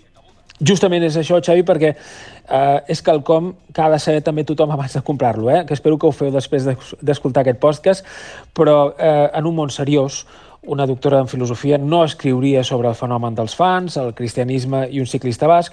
Tampoc ho faria un historiador de l'art sobre què significa ser Bert Solari a dia d'avui. Recordem que Bert Solari és un improvisador de versos basc, però és que en un món seriós no existiria tampoc aquell llibre sobre Miquel Landa. No? Potser això és el que acaba engrandint encara més l'obra i l'atreviment del seu autor, com us deia abans el Marcos Pereda, el seu editor. Eh? En un món seriós no hi ha cabuda per un relat com aquest que parla sobre deutes pendents, en un món seriós tampoc doncs, només parlaríem en aquest cas del palmarès de Miquel Landa, i això en aquest cas és el de menys, el que ha guanyat, el palmarès, les curses en les que ha acabat primer, segon o darrer, és igual. Parlem d'algú que deixa petja per allà on passa, en tots els sentits, eh? i això es defineix a la perfecció amb una sola paraula, o potser vàries, eh? perquè seria carisma, do, personalitat, gràcia, perquè l'andismo és una forma de viure, de, en aquest cas, pensant en diverses escoles, en diverses vies, com també ho ha estat també aquell llibre en què he pogut escriure com ens ha donat la gana i sobretot gaudir del viatge i somiar amb el tour que arranca demà mateix a Bilbao. No? Espero que ara, tots vosaltres, ara que sabeu què és el landismo, què no és i les bogeries que comporta, és a dir, això és el landismo, pugueu sentir també el mateix en fullejar les pàgines d'aquesta obra publicada per Libros de Ruta. Doncs ja ho sabeu, si voleu saber què és el landismo, que pensen dos autors ben diferents sobre landismo o per què parlen de landismo, ja podeu anar a la llibreria de confiança i fer-vos amb un exemplar. Marc Cornet, com sempre, un autèntic plaer escoltar les teves recomanacions. Avui una recomanació realment eh, personal. Tengo piernas, però no galones, eh, que diu el propi Miquel Landa.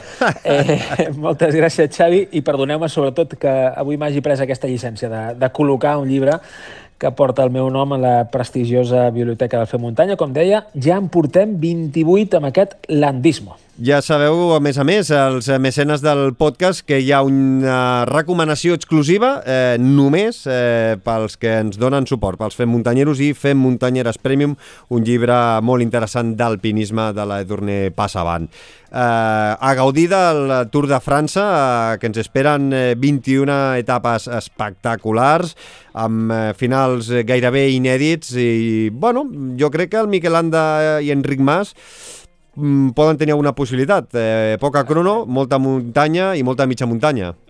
Així és, esperem-ho, eh? sobretot a veure les bogeries eh? inesperades del corredor del Bahrein Mèrida de Miquel Landa. Xavi, una vegada més, moltes gràcies i salut, muntanya, molta lectura i, per cert, llarga vida al landismo. Busca'ns i segueix-nos a Twitter, Instagram i a Telegram.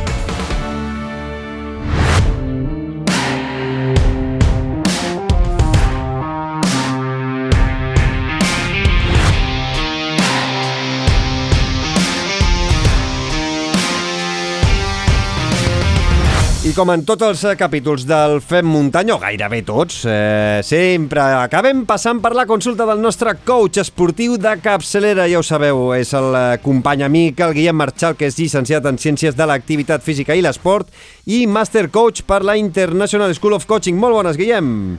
Molt bones, Xavi, família muntanyera. Avui no sé si em donaràs eh, permís, però m'agradaria elevar a pública una conversa que manteníem ara fa uns dies i que espero que no et faci res, eh? que et faci aquest atracament. A veure, a veure de què es tracta, perquè depèn de la conversa, igual ens tanquen el podcast. No, home, no, ja veuràs com no.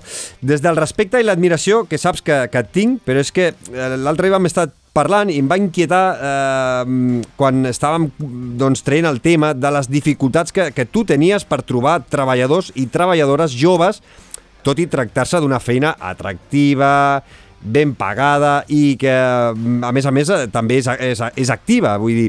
I em vaig quedar doncs, amb el dubte de, és una tendència això que li passa al Guillem o és només que, no sé, no, la gent no vol treballar amb tu? Podria ser també, eh?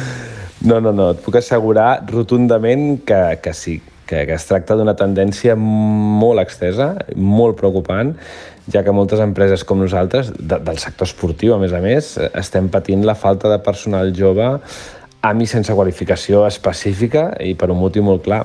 A la gent jove li agrada cobrar, però no treballar. Home, has fet ara una afirmació així genèrica, però bé han d'entendre que una cosa, eh, que està relacionada una amb l'altra, que si no treballen no guanyen diners i sense diners no poden optar a tenir les coses que pretenen i la gent jove, diguéssim, que els hi agrada, doncs, no sé, sortir, comprar-se coses, eh, gaudir de l'oci, sobretot, no? Veus? Sí, sí. Aquest és el primer gran error que vaig cometre jo. Pensar que si proporcionava un bon sou obtindria un bon sou, unes bones condicions, etc etc. Eh? doncs obtindria nois i noies per triar i remenar. I no va ser així, no? Pel que veig, no. No, res més lluny de la realitat. Van venir els justos per poder fer una plantilla perquè la gran majoria de joves que treballen avui dia ho fan per hobby, per fer alguna cosa. Seria com seguir fent el casal d'estiu que han fet tota la vida, però aquest cop donant ordres en comptes de rebre-les. No depenen per a res dels diners que tu els proporcionaràs, perquè els seus pares i mares els compren tot el que necessiten i els donen diners quan els necessiten. Dins del seu ordre de prioritats, tu ets la desena cosa i dona gràcies perquè vinguin sempre o perquè no es marquin un ghosting. Ara m'has matat, eh? Hòstia, vaig fent una mica en mica, em vaig fent gran i hi ha paraules que se m'escapen, eh? Què, què és això del ghosting? Doncs venir, fer l'entrevista, passar el procés de selecció, sí. començar a treballar, sí. començar fallant dates puntuals sense avís, mm. ni respondre a trucades ni missatges, desaparèixer un dia qualsevol i actuar com si se l'hagués passat la terra sense deixar cap rastre i sense donar mai més la cara ni ells o elles ni els seus pares que tant tant havien insistit en les bondats dels seus bocinets de cel. I en sèrio que això està passant? Entre, el, entre els joves eh, molt, doncs, que, molt, que, molt que es comprometen, eh, venen a treballar, eh, doncs signen un contracte i després desapareixen? Molt, molt seriosament. I, i, i, I el pitjor és que en la majoria dels casos és, és en connivència total amb els seus pares i mares. És molt fort. Em sembla fortíssim, com dius, eh? I, I deies abans que això era el primer en el que et vas equivocar, però és que hi ha més coses encara o no? Doncs dues més. La segona errada va ser pensar que tothom és eh, com, com era jo en aquella edat, no? I, i, i tampoc em fa tant. Que, que jo, si volia alguna cosa, havia de treballar per comprar-me-la, perquè els meus pares doncs, no, no podrien comprometre el, el pressupost familiar pels capricis del nen. Així que, que vaig trigar molts anys a poder tenir, per exemple, eh, les meves primeres bambes de marca o, o, o uns eh, Levi's d'aquella època, no? o, o una consola o, o bueno, ja quan vaig agafar i, i vaig poder comprar-me una, una moto, no? I la tercera, i crec que, que la més important, que va ser pensar que amb el valor del compromís es neix, i resulta que no és així, sinó que es creix i s'evoluciona si algú et fa adonar-te de la seva vital importància. Guillem, qui i en què creus que ens equivoquem? Doncs en primer lloc els pares i mares. Ja n'hi ha prou d'aquesta merda de donar als fills allò que vosaltres no vau poder tenir. La majoria vau tenir infàncies felices i si us entesteu en aquest puto complex d'inferioritat que us porta a cedir en tot, doncs malament anem. Els meus pares no em van donar moltes coses materials, però em van donar valors ferms que m'han permès construir-me. Esteu creant dèspotes, tirants i paràsits perquè els heu fet creure que són el centre de l'univers i que la seva única obligació és estudiar. Però quina merda és aquesta? Desperteu! La seva obligació és comprometre's, descobrir el valor del compromís amb ells, amb vosaltres, amb els altres, amb la natura, amb el món, el compromís amb el seu creixement, no només educatiu, i de coneixements, sinó també amb el seu entorn, amb les feines de casa, que alguns sembleu esclaus moderns amb, amb, amb teles de plasma i iPhones, i també el compromís de ser persones útils, i això no ho donen ni les carreres ni els màsters. Llavors, pel que entenc, no només és qüestió de pares i mares. Evidentment que no. I ara, com, com, preveu, com preveuen els fem muntanyers i fem muntanyeres veterans, de la zona ve la galeta amb la mà oberta a les administracions i els polítics hacendado que ens hem donat entre tots, que al igual que el Mercarronya estan més pendents dels seus beneficis que de la qualitat dels seus productes. Aquí ve el sistema educatiu més preocupat per regalar l'ESO a tothom que no pas en formar per aptituds.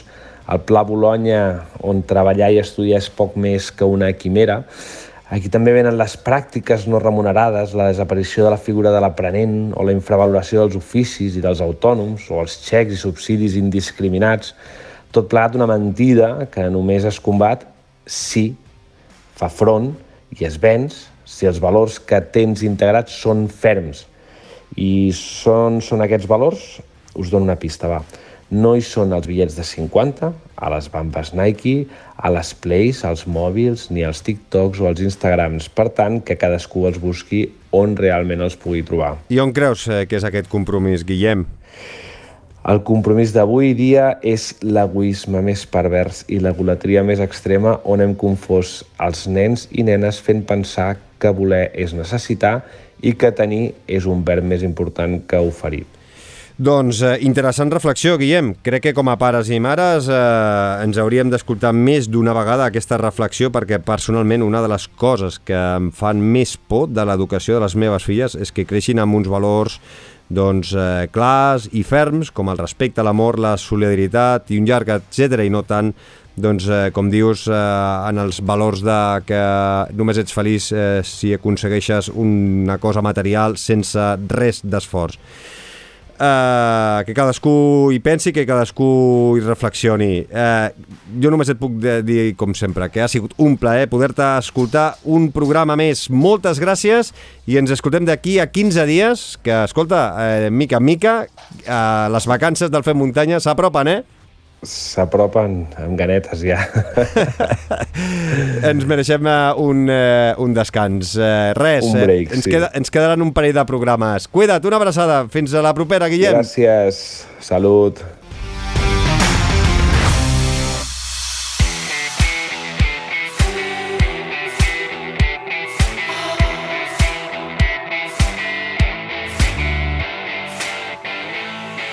Arribem al final i és moment de donar-vos les gràcies per haver arribat fins aquí. Si us ha agradat aquest capítol i és la primera vegada que ens has escoltat, doncs recorda de subscriure't a la plataforma de podcasting que facis servir normalment, com per exemple Spotify, Apple Podcast, iTunes, Google Podcast i moltíssimes més. Activa les notificacions, important, ja que així és la manera de que no et perdis cap contingut en el futur. I ja que hi ets, doncs ja t'ho he dit al principi, dona'ns eh, les gràcies amb un m'agrada, un like o 5 estrelles i comparteix el capítol a les teves xarxes socials. També trobareu aquest i tots els capítols a la nostra pàgina web. Ja el sabeu, femmuntanya.cat. Us esperem a la nostra enorme comunitat a Telegram i a les nostres xarxes socials com Instagram i Twitter. Per qualsevol comentari o consulta teniu també el nostre correu electrònic femmuntanya arroba femmuntanya.cat i no acabaré sense donar les gràcies a tots els que han fet possible aquest capítol 92. En Guillem Marchal, el Marc Cornet, la Gés Bonet, en Moi Charles i la Sheila Avilés. Moltes, moltíssimes gràcies a tots per ser-hi una salutació de qui us ha parlat. Xavi Alujas, com sempre, un autèntic plaer. Tornem d'aquí a dues setmanes amb el penúltim capítol de la temporada i ho farem, com sempre, amb històries i converses interessants. No us oblideu que cada setmana teniu l'actualitat amb l'Albert Torrent d'ultrascatalunya.com i el periodista Robert Mercè. Fins llavors, gaudiu i sigueu molt feliços, amb salut seny i, sobretot, molta muntanya. Fem muntanya, l'esport outdoor en català.